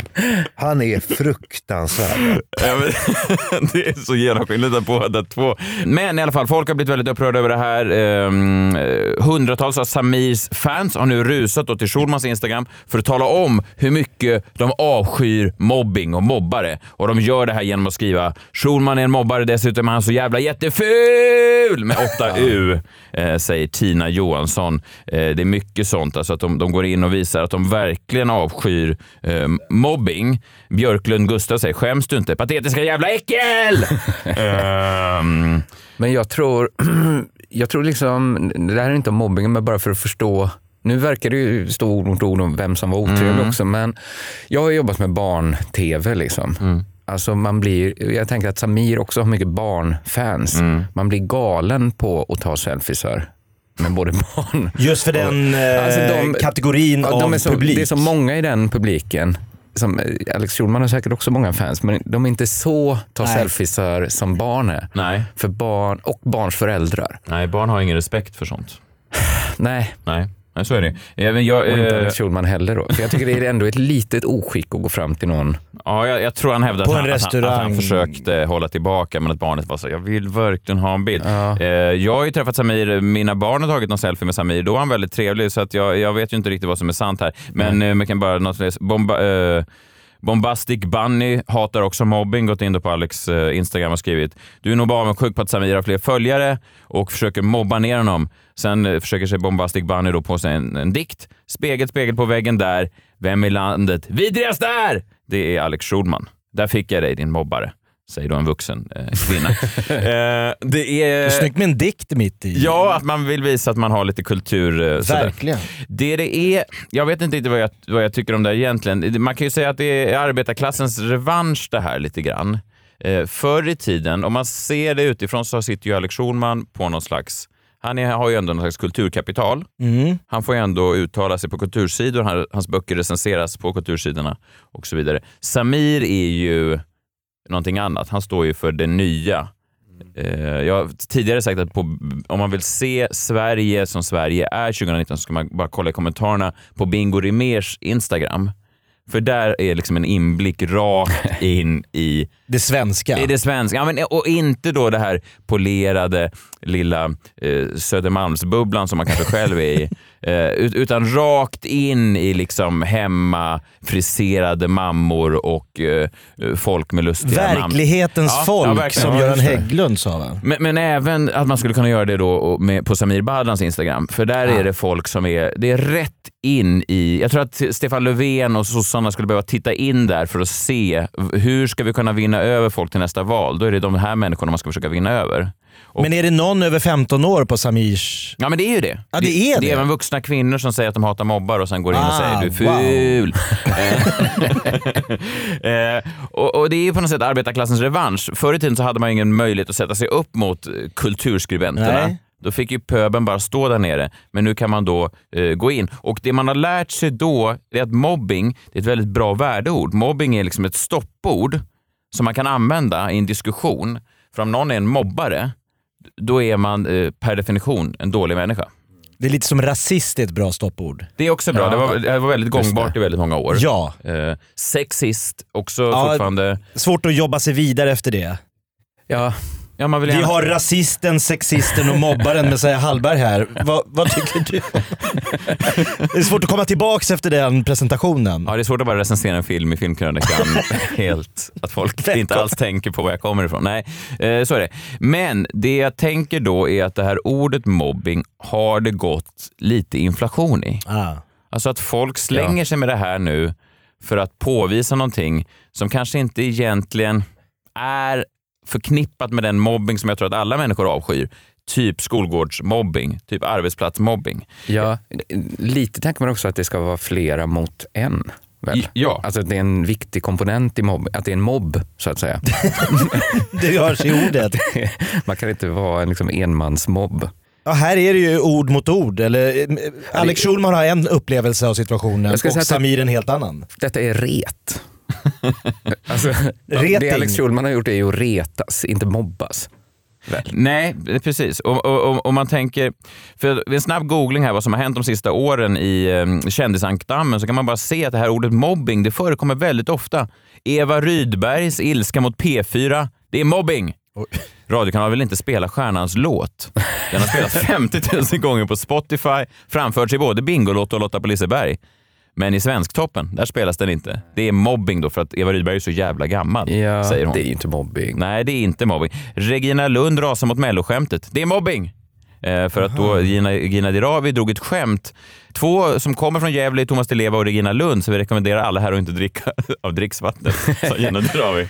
Eh, Regina Men det Lund... kanske är mer mobbing om man står på en stor scen och så skrattar en miljon människor Ja, åt du har det. en liten poäng, men Ja, Regina men- Lund var tydlig. Det är mobbing. Kanske inte mobbing ändå. Carolina Gynning mobbad i parlamentet. Hon var där för att bli roastad då av panelen för några år sedan och eh, hon sa att Mr Johan Rheborg var ett stort jävla asshole. Det var som en enda stor roast. Det var mobbing, säger Carolina Gynning. Så han roastade henne i roasten? Ja, men det var mobbingform då. Av just. Johan Rheborg. Ja. Läsarna rasar mot mobbingen av Gunilla Persson. I Hollywoodfruar då så hade Margareta Svensson gjort en låt som heter Hollywood Holly Weird. Eh, Där hon då sjunger om att eh, Gunilla Persson är Holly Weird. Lite weird. Ja, gränsar till mobbing ska man kunna när man spelar in en låt där man uttrycker att någon är konstig. Det är gränsen till mobbing, det får jag säga. Men det är väl en tradition också? Ja, Skriva men- lustiga låtar med lite kända namn som man skruvar. Ja, eh, Vilken jävla nyårsrevy som helst i Södertälje har ju gjort Ja. något om kommunalrådet. Ja, eh, den här låten Eller? är då till poppiga toner. Ja. Eh, och jag har textrader som “You blame everyone else, it's never you, only one step away from insanity”. Sjunger hon då. Okej, Det är inte så fyndigt, men jag tänker att i riktig mobbing, här finns ju i alla fall chansen att hade hon bara tagit det så hade det inte varit någonting. Nej. Men det kan man inte säga om skolgårdsmobbing. Så hade Nej. hon bara tagit det här så hade det inte varit mobbing. Nej. Eh, och, och så tänker man då, Gunilla, är hon Holly Weird kanske? Eh, samma säsong då? Lite Holly Weird tycker jag hon är. Ändå. Var det här första gången du sa Holly Weird? Ja, det var första gången jag använde ordet. Men jag tror jag förstår vad det betyder. Att hon är lite Holly Weird. Eh, nej men då kollade jag lite vad hon gjorde, vad hon var aktuell med just den säsongen. Eh, Ja, du grävde vidare? Ja, jag grävde vidare som den journalist jag är. Den säsongen hade då hennes dotter dotter, minderår, minderåriga Erika, kräkts under ett uppträdande. Hon skulle sjunga och då gick Gunilla in med tröstande ord. Hon sa det är jättebra att du kräks, då får du upp slemmet i halsen. Det är Jesus som gör att du kräks. Jag har bett till honom. Så det är lite Holly Weird ändå. Alltså, jag tycker nästan förtjänar en låt. Alltså- Vi hade faktiskt Gunilla som gäst i Vakna med The Voice för massa år sedan och då krävde hon för att komma till studion att hennes dotter skulle få sjunga Somewhere over the rainbow a cappella. Ja, det är också lite Holly Weird. det är lite weird. Ja. Jag vet inte om det är mobbing alltså. Eh, farmen har urart- urartat till vuxenmobbing, menar upprörda tittare på TV4 sociala medier. Folk röstas ut då. Skulle man kunna säga egentligen att den här överanvändningen av ordet mobbing kommer ur dokusåporna? Att det är därifrån den har kommit från början. Alltså, Det ser ju Robinson ut som mobbing när mobbing-TV. vuxna människor röstar bort varandra. Ja, framförallt när man var helt ovan vid det. Man har aldrig sett något liknande innan. och sen liksom på bästa sändningstid så blev man så... Ja, det förstärktes ju att den första killen som någonsin röstades ut i en dokusåpa åkte hem och tog livet av sig. precis. Det var ju inte ett bra case för chefen. Han bara, Det är inte mobbing det här. är nästan konstigt att de fortsatte visa. Dels att de visade det avsnittet. Och sen Ja. bara hela... Sinisha att man inte stek... För det var ju innan man visste att det skulle bli en succé. Ja. Ja, ja, ja, ja. Men jag tänker också svenska folket, det blir ju, det blir ju en jättekultur. Man har suttit i alla år i soffan Ja. på lördagar och sett rassel. Precis. Ingen röstas ut. Usel underhållning, men det får bara fortgå. Och så kommer, boom, vuxenmobbing-tv på bästa sändningstid.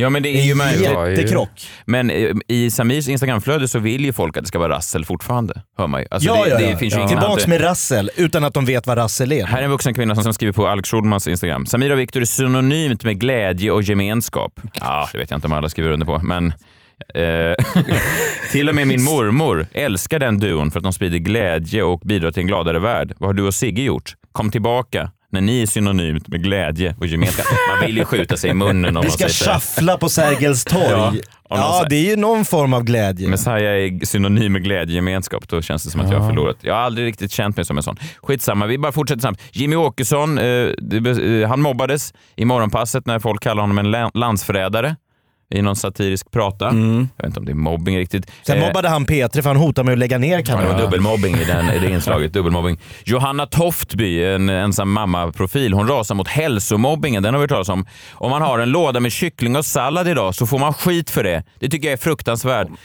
Ja, För att det är för, för hälsosamt. jag är så trött på det. Flera personer i hennes närhet har fått liknande mobbingkommentarer. Alltså vet, det känner man ju till. Känner du inte till det K? Att folk skriker på gatan. Hör du din smalgris! Fullkornsfitta! En jävla bön bitch! Kom hit din chia-puddingskärring. I grupp skriker de det. Ja, och, och, och liksom... Eh... Jag har aldrig hört det. Däremot tycker jag man kan få skit för man har lunchlåda med sig. Men inte för,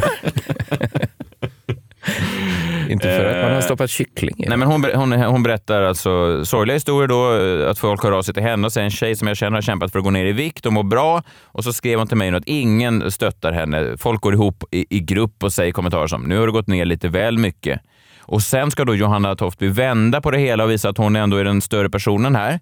Så säger hon, jag kräks på mobbing, säger hon. För vet ni vad? Jag hade lika gärna kunnat svara, jaså du, äter du kebabtallrik med pommes nu igen? Hur kan du vräka i dig så mycket fett varje dag? Du blir ju bara tjockare och tjockare, skriver Johanna. Nu gjorde Men hon det gör jag inte. Nej, det- hon gör inte det. Hon menar bara att hon har den ammunitionen. Skulle hon inte lika gärna kunna skriva “jag kräks på kritik”? Jo, men För det- man skulle väl kunna byta ut Jo. ordet mobbing i Ja. alla de här Ja. fallen mot Jag vet, fast, kritik. fast grejen är att det är inte ett stoppord. Förstår nej, du? Om man, går in på, om man går in på Alex Schulmans eh, Instagram och säger så här, vi, vi, jag tycker det är taskigt med kritik. Vuxenkritik. Vuxenkritik. Då framstår de ju så mycket mer infantila. Ja, det De ska man ju inte ta åt sig av. Kritik måste man ju tåla som en vuxen människa. Ja, just det. Särskilt om man lägger ut en bild i sociala medier och någon säger något kritiskt. Ja, det var ju dens åsikt. Hoforsborna rasar. Mobbing på hög nivå. Det tog bara ett par minuter från det andra avsnittet av SVT-serien Samtidigt i Hofors för att samtliga Hoforsbor rasar. Jag vet inte varför alla samtliga rasar, men ja, de rasar på sociala medier. Ja, ja, ja. Anledningen till mobbingen. Den lokala rockartisten, en av seriens huvudpersoner, Mikael Olsson, han bjöds inte in till det årliga höstkalaset. Förlåt? Eh, De har ett höstkalas och Mikael Olsson var inte inbjuden. Mobbing! skrev folk. Jag menar bara, men var det SVT som inte... Jag fattar, den här var väldigt svår. ja, den var svår, men det var... Det, Men det att som, samtliga det rasade. vi ska komma ihåg är att det var mobbing. Ja, eller bara titta på, jag tänker bara filmen Ondskan, han killen som kallas Grisen där och de kommer in och häller bajs och kiss över honom när han ska sova. Det är värre tycker jag. Det tycker Hoforsborna rasar. Sluta hälla kiss på grisen. ja men det är ju en typ av mobbing. det är en typ av mobbing tycker jag också. Och han vågar inte säga något för det är de här liksom fina härliga killarna på, på skolan då. Spelade av någon Skarsgård. Mm. Det är mobbing. Ja, det är det verkligen. Jag tänker bara för att jag, jag är liksom så uppvuxen med människor som, som pratar så. Jag tycker också i kulturvärlden så är det ju, det hör nästan till, nästan som att alla mina idoler har uttalat sig raljant kring andra kändisar. Jag slog bara upp en, en gammal Ulf Lundell-bok. Jag är ju stor Lundell-fan. Ja, I ja. en, en bok här, Värmen, som kom för några år sedan, så kallar han Bert Karlsson för Skaras Gollum. Linda Skugge kallar han den jävla kejsarsnittsneurosen. Oproportionerligt taskigt. Ebba Witt-Brattström. Ebba Fitt-Britt Kvitt. ja, men den här om, om gruppen Kent. De låter som blöt granskog och där inne i skogen står en divan och på den ligger en dandy och vrider sig i magplågor på grund av en alltför stor myckenhet praliner. Oj. Det tycker jag är en fin eh, diss. Eh, Jag har en bok hemma med Truman Capote där de bara samlat allting, all skit han har sagt om andra författare eh, under sin livstid. Så bara pitchar de så olika namn och så sitter han bara och kritiserar dem. Och det är liksom väldigt underhållande. Eh, vad tycker du om John Updike? Eh, jag hatar honom. Allt kring honom tråkar mig. Han är som kvicksilver. Man stoppar en droppe i handen och så försöker man bara ta fatt i det, men det går inte för Nej, det är liksom det. bara luft. Eh, om Joyce Carol Oates.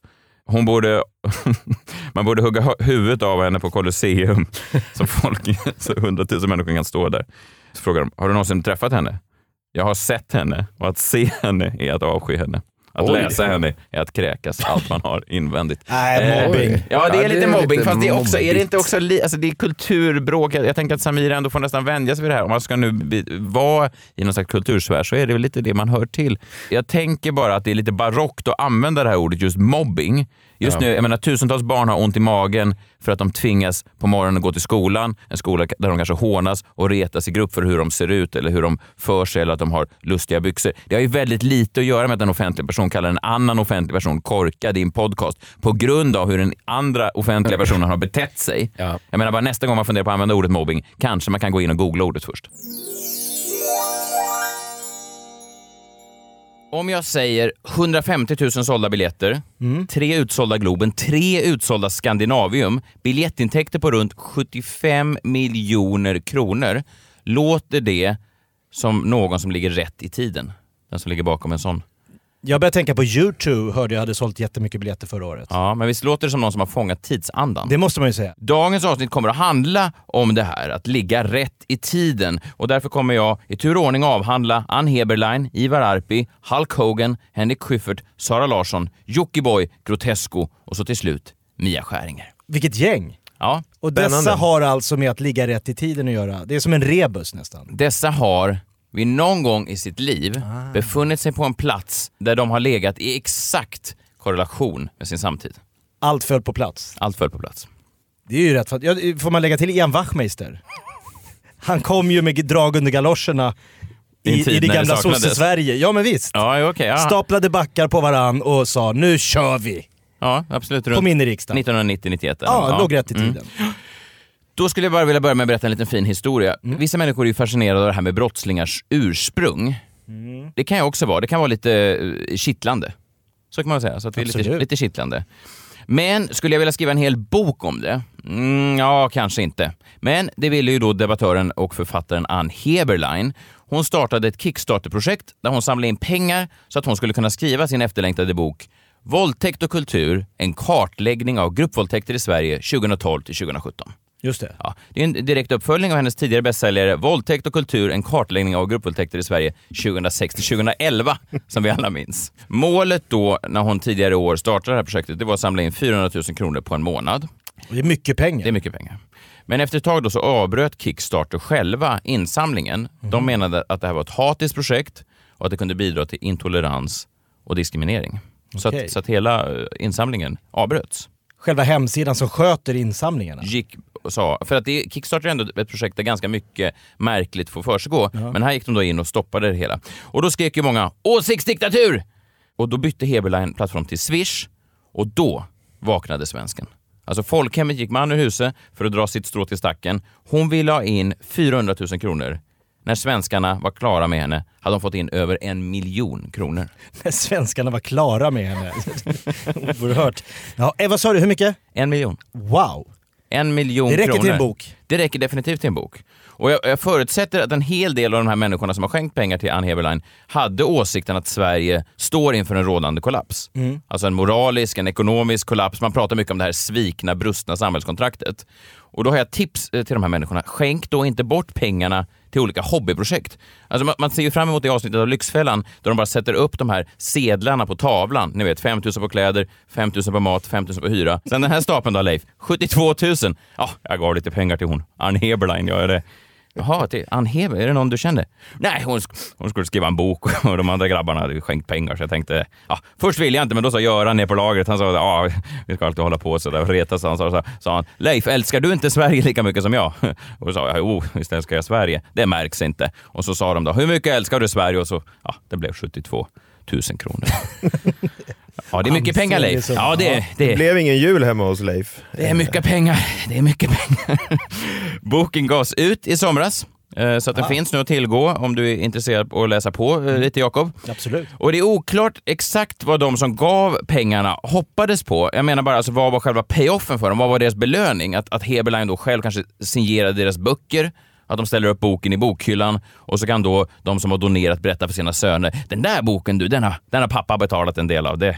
Och då kanske sonen ställer sådana följdfrågor som, jaha, var det, var det den boken som sen ledde till att du och mamma skilde er och så vidare? Alltså det, ja, du vet, det kan ju hända. Men det är ändå sånt där Boken fint. med stort B. Men ändå, det kan uppstå något fint här tänker jag mellan far och son och Ann Heberleins bok om gruppvåldtäkter. Och nu då, då ska Ivar Arpi, en annan sån eh, skribent, lite på högerkanten, ut och göra samma resa. Han sitter då och fnular på sitt bokprojekt Så tar genusideologin över svenska universitet. Det är folk också eh, intresserade av. Det kan Ja. jag tycka är lite intressant, lite ja, kittlande. Det är lite kittlande ja. Eller hur? Man vill veta lite han? grann. Ja. Det luktar Södertörn här. Ja, precis. Jag kan tänka mig att mycket av den här forskningen kommer uh, utgå från Södertörn. John, hur känner Mm. Ja, du? inte Skulle Umeå du... universitet kanske på samma sätt. Nej, hur känner du? Hur mycket, om du tycker att det är lite kittlande, hur mycket pengar skulle du kunna tänka dig att gå in och... Alltså hur gärna vill du veta? Vad ska jag swisha Ivar? Ja, hur, hur, hur mycket vill du veta hur mycket genusideologin tar över svenska universitet? Alltså i, i ditt livspussel, hur stor pusselbit är det här? Ja, men den är oerhört liten, eh, måste jag tyvärr säga. 200 Eh, spänn? Den är oerhört liten. Nej, men kanske mindre. Kanske Ännu att, mindre? Ja, kanske att jag försöker ta pengar av Ivar Ivar Arp och ge till de fattiga. Swi- swishar ja, och ge till någon hemlös som han har Det är spottat helt på tidigare. bortkastat då. Han vill ha in 250 000 kronor. Han har nu när projektet är avklarat fått in bidrag nu på över 700 000 kronor. Han går mot miljonen då också. Hur gör folk som inte ber om swishbidrag när de skriver Går det inte att skriva en bok på bara intresse av ämnet? Måste du ha en stor insamlingsgala på swish för att skriva en bok? Jag fattar inte. Nej, men, Det är väl bara skriva? Men det är väl den här Lamotte-effekten. Han började väl med det där, alltså, du kan swisha mig, Swishjournalistik, och sen har det ha spridit sig då till bokvärlden. Ivar Arpi menar ju då att det här att han då är beroende av donationer och att Mm. folk då betalar för att han sen ska forska i ämnet inte kommer att påverka forskningsresultatet. Det känns bara spontant som att han har en, en teori redan från start du? som han vill eh, sen forska kring. Tror du? Ja. Ja, det, det kanske och att många... de som swishar gärna Och- vill få den Nej, men bekräftad. de- Det är som att de vet redan innan vad, vad allt, hans forskning kommer komma fram till. Ja, det är klart. Det känns som att ganska många, nu kanske jag är eh, fördomsfull här, men det känns som att ganska många som har eh, betalat pengar till Ivar Arpi bara är sådana fyra Jägermeister shots bort från att skrika “Men de gör ju honom till bög!” alltså, Och det är roligt också att så här, vad roligt om Ivar Arpi, all forskning, så kommer han fram till så här, nej det finns ingen snedställning i det där. Fan vad sura alla skulle Det bli. är De kommer 100% bränna honom på bål. ja, men Han vet ju att han är något på spåren. Jo, såklart att det, kan, att det finns någonting där. Det finns det. Jag läste en kille som skrev till Arpi. Han, han sa då, jag har inte så mycket pengar för jag är student, men jag vill ändå skänka en 50-lapp. Mhm. Alltså ni förstår ändå, man är ganska hårt ekonomiskt ansatt som student. Det är starka Verkligen. grejer. Ja, det men är det. folk Det är ändå... nudelåren. Folk brinner då för de här ämnena. Säg att du har du har tusen kronor över på en månad och då går ändå 50 kronor av de här pengarna till en bok som ska undersöka hur genusideologin filtreras in i svenska universitet. Det är ju otroligt starkt. Jag tror aldrig jag har brunnit så mycket för någonting. Alltså jag har svårt att ge pengar nu när min dotter ska skänka en, en present till sin lärare i slutet av terminen. Alltså det tycker jag är dyrt. Hur mycket ska de ge då? Ja, då, ska de, då är det nog så här 50-100 spänn. Och då känner jag så här, mm, är det nödvändigt? Men eh, läraren kanske vill att eh, man skänker det till Ivar Arpi istället. Alltså det kan gå direkt till honom. Det är en lärare som själv står i kontrast till hela det här Nej men så här, läraren, läraren skickar ut så här, gåvor undan bedes, skänk pengarna hit till Ivar Arpis Arpi. forskningsprojekt istället. Otippat. Väldigt oväntat. I sån Comic Sans, Ja, rosa. God jul alla föräldrar. Inga gåvor eh, ber jag om. Det brukar ju vara på Facebook när folk fyller år, att de skänk mig inget men skänk till Barncancerfonden. skänk till Ivar Arpi. Swisha Arpi, grattis Jakob. En oerhört sån auktoritär eh, förskolelärare. Ja. Eh, nej, men... Han hade fått in 700 papp nu då? Ja, precis. Eh, Så jag tänkte bara passa på egentligen här i Freakshow att avslutningsvis passa på att berätta att jag faktiskt har startat ett litet eh, bokprojekt själv Ja. som jag har eh, valt att kalla då Skäggbarn, vad är grejen? Okej. Mer direkt. Ja, det är, eh, men ändå ett frågetecken om man ställer en fråga. Jag har inte, Vad jag är har- grejen? Vad är grejen? Ja, det kan vara lite landa det kan lite vad som vara, det kan vara positivt. För... Men lite seriöst då, man kan swisha mig för det här. Mitt mål är 850 000 kronor innan årets slut. Eh, Jag tänkte skriva boken utomlands faktiskt. Det är skönt att komma bort lite i det här gråa. Ja, men det jag, behövs. Eller hur? Just det. Så vad Få perspektiv. Ja, eh, så vad säger du Jakob, att vi på Freakshow kanske tar reda på bara om de här migranterna då verkligen är, är minderåriga? Ja, eller så är det ditt projekt. Nej men att vi går ut och bara kollar. Jag vet inte om jag vill ut och jaga. Liksom. Inte jaga, men att vi kontrollerar. Nej men såhär Janne Josefsson med dold kamera, nej. Nej, men vi, nej, vi kan bara fråga eller så. Tänk Hur gammal är du? ärligt. Men ställa några kontrollfrågor. De kanske säger så här, ja, jag är under 18 då. Mm. Och, Okej. Och så sätter man på kanske signaturmelodin till eh, Rederiet. Och om de då nynnar med, då säger man aha! Där fick jag dig. Få killar från Kabul Jaha. som satt och kollade på Reidar Jo, jo, jo, Junior jo. och Tony. Och... Men det otippat är också att fel de inte skulle kunna hålla sig. Jo, det är möjligt. Men jag menar bara att det viktiga är att vi får in pengar. Och sen, Ja, tror jag, sen tror jag också att, att själva slutresultatet, forskningsresultatet, är bokprojektet, det är lite sekundärt. Jag Det är mer grejen. Ja, det är mer grejen. Det finns en rörelse. Det är inte det viktigaste. Så tänkte jag kolla också Jakob, har du varit på Maldiverna? Jag tror att där kan du skriva en riktigt jävla bra bok. Eller hur? Absolut. Kan du se oss där? Man måste komma ifrån, för att, alltså för att kunna skriva en bra bok, så måste du få perspektiv på det du skriver om. ni får boka snabbt, det finns ju en risk att det blir fullbokat med alla de här andra, Ann Heberlein och Alla ligger Ivar i en Arpi, så hängmatta Det blir liksom så här, Alla är på tyvärr, samma plan, de 29 MacBook five star Air. resortsen är bokade. De bara sitter ute på den där, gå, den där bryggan ute i Vi vattnet. har en bungalow bredvid Lamotte. Jag är så jävla förbannad nu! Men det är rätt gött, Är det okej att snorkla? Ja, efter Janusz får du... Hon är först ner. Det är långt ute och så. Vi åker ut på en sån glasbåtstur med Janus och Lamotte. Han ligger och skriker mot rutan på när han är upprörd på någon fisk. Eh, Arpi och Heberlein har ju då lyckats hitta en, eh, en tidsanda där de fortfarande kan gynna sina egna projekt.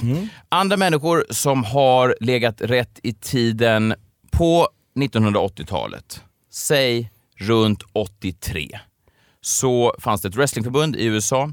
Vince McMahon hette då en, eh, en kille som köpte ett wrestlingförbund från sin far. Han hade precis lyckats få nationellt kontrakt med tv-stationerna. Alltså han skulle ta sin regionala, eh, sitt regionala förbund och gå nationellt.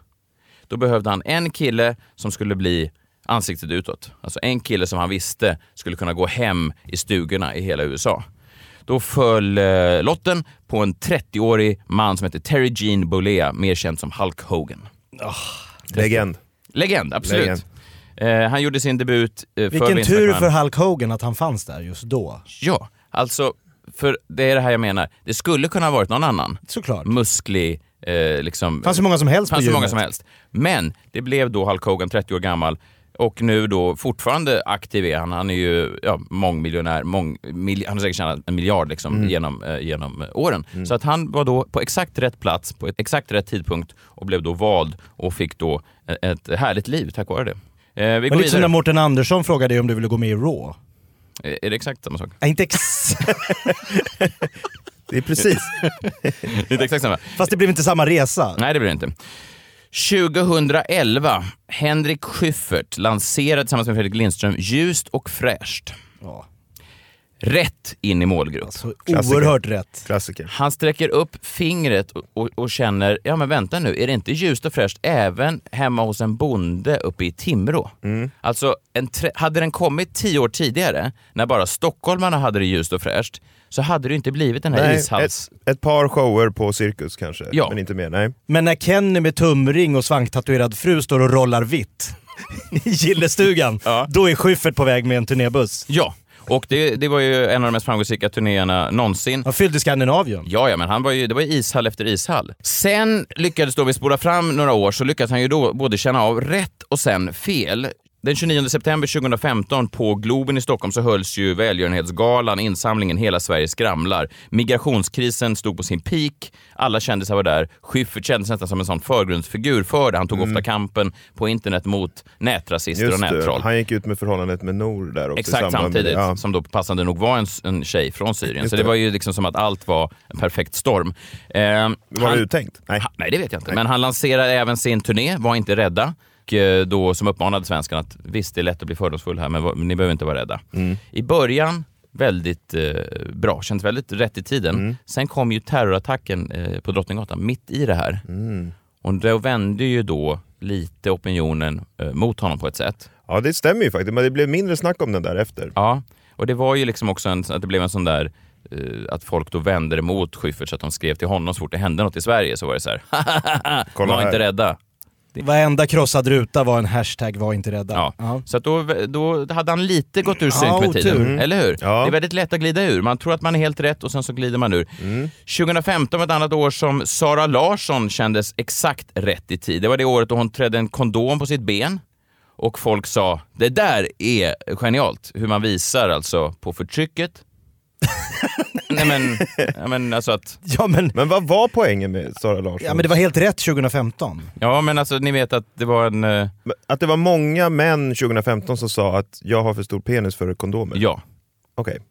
Och hon gjorde en jättesmart eh, meme på detta. Ja, att hon, Ja, drog hon på visade att... Ja. Det finns gott om plats. Men det är också det här då som man menar med att ligga rätt i tiden. Det behöver kanske inte vara så märkvärdigt i sig det man gör, men när det då förhöjs av tidsandan och tidsstämningen och människorna runt om som letar efter den här hjälten, det här ljuset i tunneln, så blir det förhöjt till någonting annat. Problemet med det nu är ju också att hon då blir ibland en symbol mer än hon blir en artist. Alltså hon är nästan mer känd som symbol än som faktisk musiker. Och det här beklagar hon sig själv över då när hon var gäst i Helenius hörna för några veckor sedan. Så pratade hon om det här i podcasten och hon var lite ehm, besviken på vad de hade pratat om i själva tv-programmet. För att ibland så um, känns det som i, i Sverige då att jag är allt förutom så här, musiken i sådana sammanhang. Ja, verkligen. Det kan jag verkligen förstå. Alltså vart jag än kommer någonstans så bara, nu så- pratar vi om det här istället. Man bara, fast min musik då? Kan vi inte prata om, kan vi inte prata om den?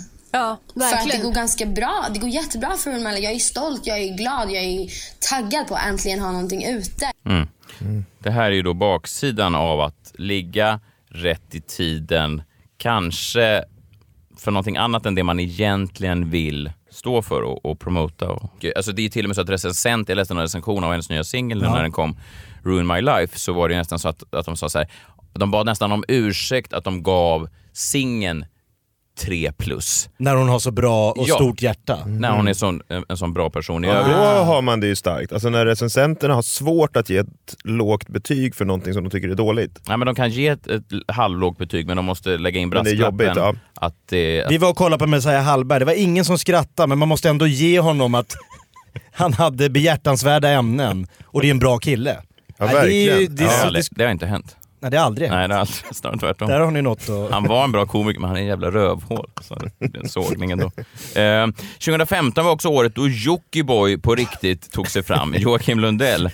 Han var ju Är det då, så nyss alltså? Alltså, han hade ju hållit på med lite tidiga verk som Dagens Runk och så vidare tidigare, men, men det var ju ändå... Inte det folk, breda Nej. folklagren hade inte upptäckt honom. Nej, men det, det var ju den där tiden ungefär när sociala medier verkligen breakade på Mm. nytt, där de hittade egna kanaler, där folk som tidigare varit med i dokusåpor och blivit kända, Mm. det var ju runt den här tiden, 2013, 2014, 2015, där de liksom eh, inte längre var beroende av några andra för att själva tjäna pengar på sitt eget varumärke. Eh, man kan kalla det att det till slut blev för influencersarna den gyllene medelvägen. Det känner ni till. Det är ett begrepp som beskriver hur folk som är kända utan egentlig talang nu kan börja tjäna rejäla stålar på att man kan ha egna kanaler som utesluter gammelmedias makt i form av gatekeepers och god smak. Just det. Mm. Det är ett gammalt klassiskt uttryck. God smak fick du in där också. Ja. Ja. Ja, men det, Ja, man, man låg ja. rätt. Ja, man låg rätt i tid. Verkligen. Men jag menar bara att, säg 20 år sedan, så kanske en kille som eh, Joakim Lundell inte hade bott i ett hus med pool, utan snarare försökt bryta sig in i ett hus med pool. ja, men det är ganska rimligt. Det är troligtvis. Ja, ja. Hade drunknat i en pool i någon Inget fel i sig. 2017, då, förra året, då hade ju vågen vänt, precis som vi tidigare pratade om med, med Schyffert. Eh, flyktingfrågan hade blivit infekterad, eh, politikerna hade mm, sagt att de var naiva. Då satte Henrik Dorsin och gänget upp fingret i luften och lanserade sin musikal med Grotesco. Sällan har väl ett humorprogram blivit så hyllat som Grotesco. Är det sant? Eller hur? Det var oerhört, eh, alla, alla sa det här, äntligen någon som gör en rolig take på hela det här. Ja men sen Nile City blev väl, blev väl liksom hyllad, men inte, Inte på, på det Grotesco-nivån. Inte och det på var bara sättet. ett avsnitt som liksom blev... Ja det är sant. Nej, det, Folk det grät tror jag någon sa. Ja. Ja. Men det, det var, de var rätt i tiden. Hade det kommit 2015 Man har inte förstått någonting. Hela Sverige skramlar. Hade det kommit, säg dagen efter Hela Sverige skramlar, då hade de framstått som hjärtlösa. Lynchade. cyniker. Ja, men Mm. nästan, Ja. nästan lynchade. Schyffert hade kunnat gå ut och sagt så här, fy fan för sådana som er. Mm. Men då, två, två och ett halvt år senare, då var det plötsligt eh, helt Perfekt. rätt i tiden. Ja. Helt rätt i tiden. Och det är också så när man går på så här galor nu, eller humorgalor eller kulturevents. Alltså, om man kunde få en spänn för varenda människa man pratar, som man aldrig har sett i hela sitt liv. Så säger ah, vad gör du? Ah, jag jobbar ju med Grotesco-gänget. Det är, de ynglar av sig, det är så många. Det är alltså. väldigt många, det har du det har du rätt i. För det, fin- det finns ju liksom trådar ut från Grotesco-gänget. Jag tänker liksom sminkö, sminkösen har, känner ju någon som har jobbat med någon tidigare och sen så har man då en koppling till Grotesco. Ja, men, Är det själva essensen av att man är helt rätt i tiden? För Jockiboi har ju också, hans grannar har ju YouTube-kanaler. alltså, om man är Ja. solen som man kan sola sig i och få liksom... Om, om sminkösen till Grotesco Ja. kan komma före kön på V, Ja, men, men det för var att hon är det, så är det ju någonting. Ja, men jag var på den här humorgalan som var på, på Berns eh, tidigare i höst och då så jag pratade med någon och sa, ja tja vad gör du? Nej men jag jobbar ju med Grotesco. Så tittade jag på, är, är du Henrik Dorsin? Men alltså det Det är ju är, Per det är ju väldigt jobbigt att gå ut på nattklubben V om Jockibois granne kommer in framför en. Ja, det är tufft. alltså det är, då kan man inte gå ut längre.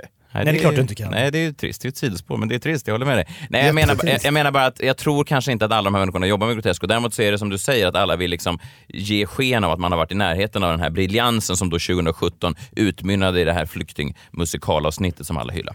Och då i år då så har vi avslutningsvis Mia Skäringer. Va? Vilken succé.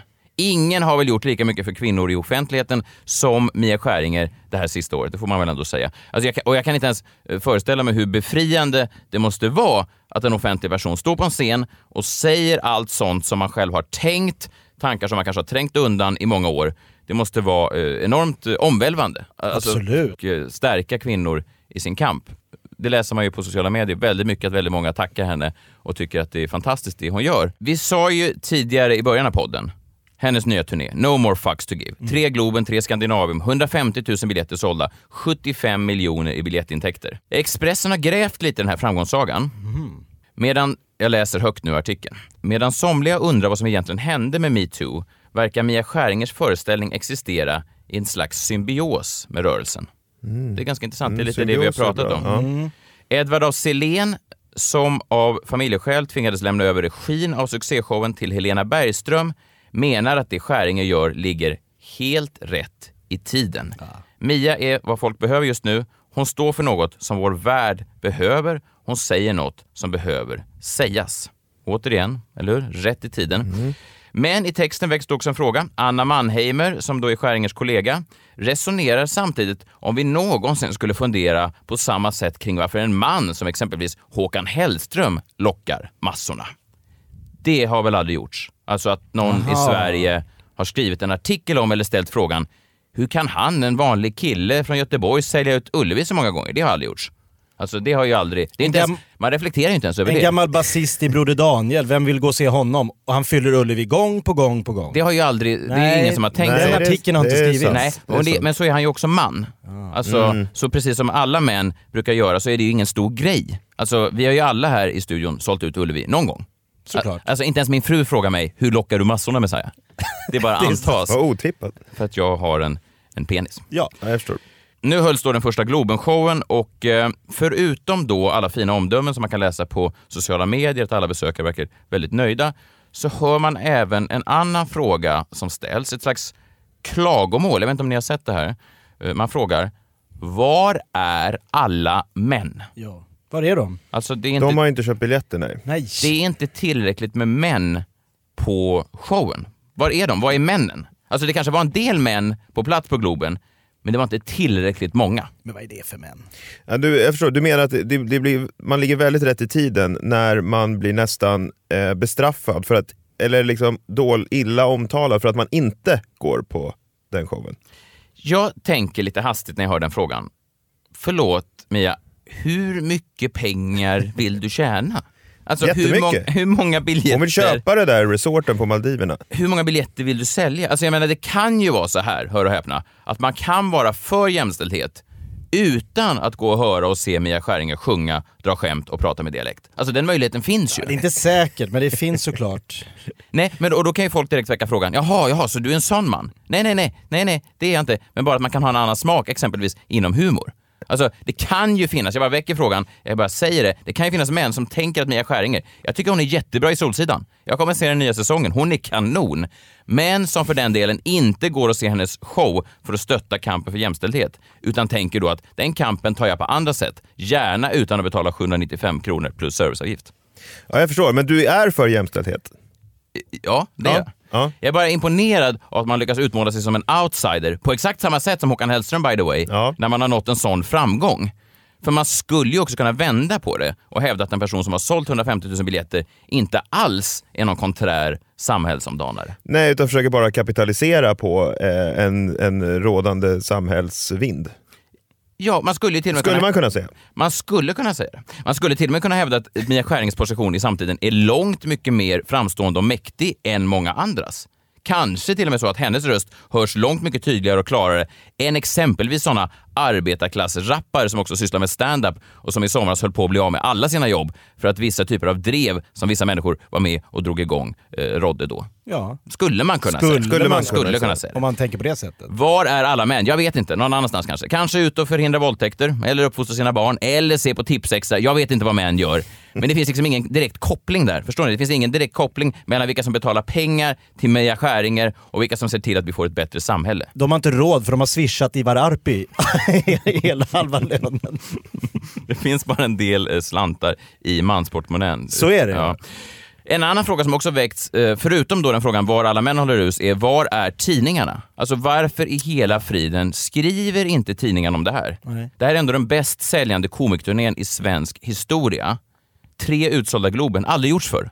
Är det så? Men vadå, skri- tidningarna skriver väl om det? Nej, nej, nej, nej, nej. Det är inte ett ord i tidningarna, menar bland annat retorikexperten Elaine Eksvärd. Källa Elaine Eksvärds egen Instagram. Hon menar det. Hon har ju ingen fog för det, för det står ju i tidningarna. Men känslan är att det skrivs för lite Nej men, nej, men Jakob, lyssna här. Svensk media skrev alltså ingenting om Mia Skäringers Globenshow. Förutom eh, eh, DN Dagens Nyheter, de recenserade Globenshowen 25 november och de skrev vilken vrede, vilken humor, vilken ordkärlek när komikern Mia Skäringer jämför män och kvinnors villkor i totalshowen är succén monumental, skrev DNs eh, kritiker. Men förutom det är det helt tyst alltså, i tidningarna. Förutom eh, Expressen då som Ja. de recenserade, de gav henne fem getingar och skrev Mia Skäringers jättesuccé, hon är en folkrörelse. I övrigt tyst. Ingenting. Förutom Aftonbladet då, som, som inte bara skrev om Globenshowen 25 november, utan även recenserat turnépremiären i Örebro bara tre veckor tidigare. Alltså att samma show recenseras då med tre veckors mellanrum. Det är ju nästan som Springsteen när han recenseras på Ullevi. Jo men det är tre kvällar. tidningar av hur många som helst. Ja, precis. Men förutom de här recensionerna så var det alltså total radioskugga över Globenområdet. Helt- Det är Inte ett otroligt. ord. Inte ett ord i tidningarna. Det här kan ju bero på att det här inte var Skäringers första Globen-gig också. Nej, Om ni känner till det. nej. Redan i november i fjol så stod hon på scen inför ett fullsatt Globen. Då var det kanske lite annat eh, tema. Då stod hon tillsammans med Johan Rheborg och Björn Gustafsson och gjorde showen Boendeekonomi är jättekul. Den arrangerades då av banken SBAB, så jag vet inte om det, det kan ha varit ett annat tema på showen eh, den gången. Jag tror inte att den handlar om just eh, eh, kvinnokampen. Nej, Vi inte ska säkert. se, jag kan googla här. Ja, vi kan se vad SBABs marknadschef Lukas Kroll säger att den showen Lukas- handlar om. Kroll. Kroll? Kroll. Vad säger herr Kroll? Ja, han säger Eh, folk har haft en jäkla rolig kväll. Framförallt hade man inte trott att det var möjligt att göra någonting kul av det här. Bara att man lyckas ro ihop någonting stort kring ämnet boendeekonomi och får folk att köpa biljetter till en show som en bank arrangerar skulle jag vilja säga är helt unikt. Ja, det måste man säga. Så det var lite annat tema Ja. eh, för ett år sedan då. Men vad fan, så är det ju. Cashen ska in. Eller hur? Ja verkligen, men SBAB hade ju då hoppats på, så de hade ju hoppats på då att de skulle vara i symbios med tiden när de anordnade den här. Alltså så här, var är alla bolånekunder? de var ju i Globen. Men det- Jag vet inte om de var det. Men, men jag vet inte om SBAB gick ut och sa så här, förlåt, var är alla... Varför skrivs det? Det är unikt att vi lyckas fylla med boendelånskunder som betalar 795 plus Var är resten? Tycker du inte om låga boräntor? Eller höga. Eller höga. Ja. men så är det ju. Cashen ska in och kanske är det en av de starkaste grejerna vi tar med oss av det här. Att Sveriges mest populära och hyllade och rikaste komiker 2018 är en kvinna. Det, om något, båda är gott för framtiden. Tänk sen då i framtiden när männen hittar dit också. Då kan det ju bli över 200 miljoner nästa turné. Det om något vore no more fucks to give. Ny säsong av Robinson på TV4 Play. Hetta, storm, hunger. Det har hela tiden varit en kamp. Nu är det blod och tårar. Fan händer just det. Det är detta inte okej. Robinson 2024, nu fucking kör vi! Streama söndag på TV4 Play.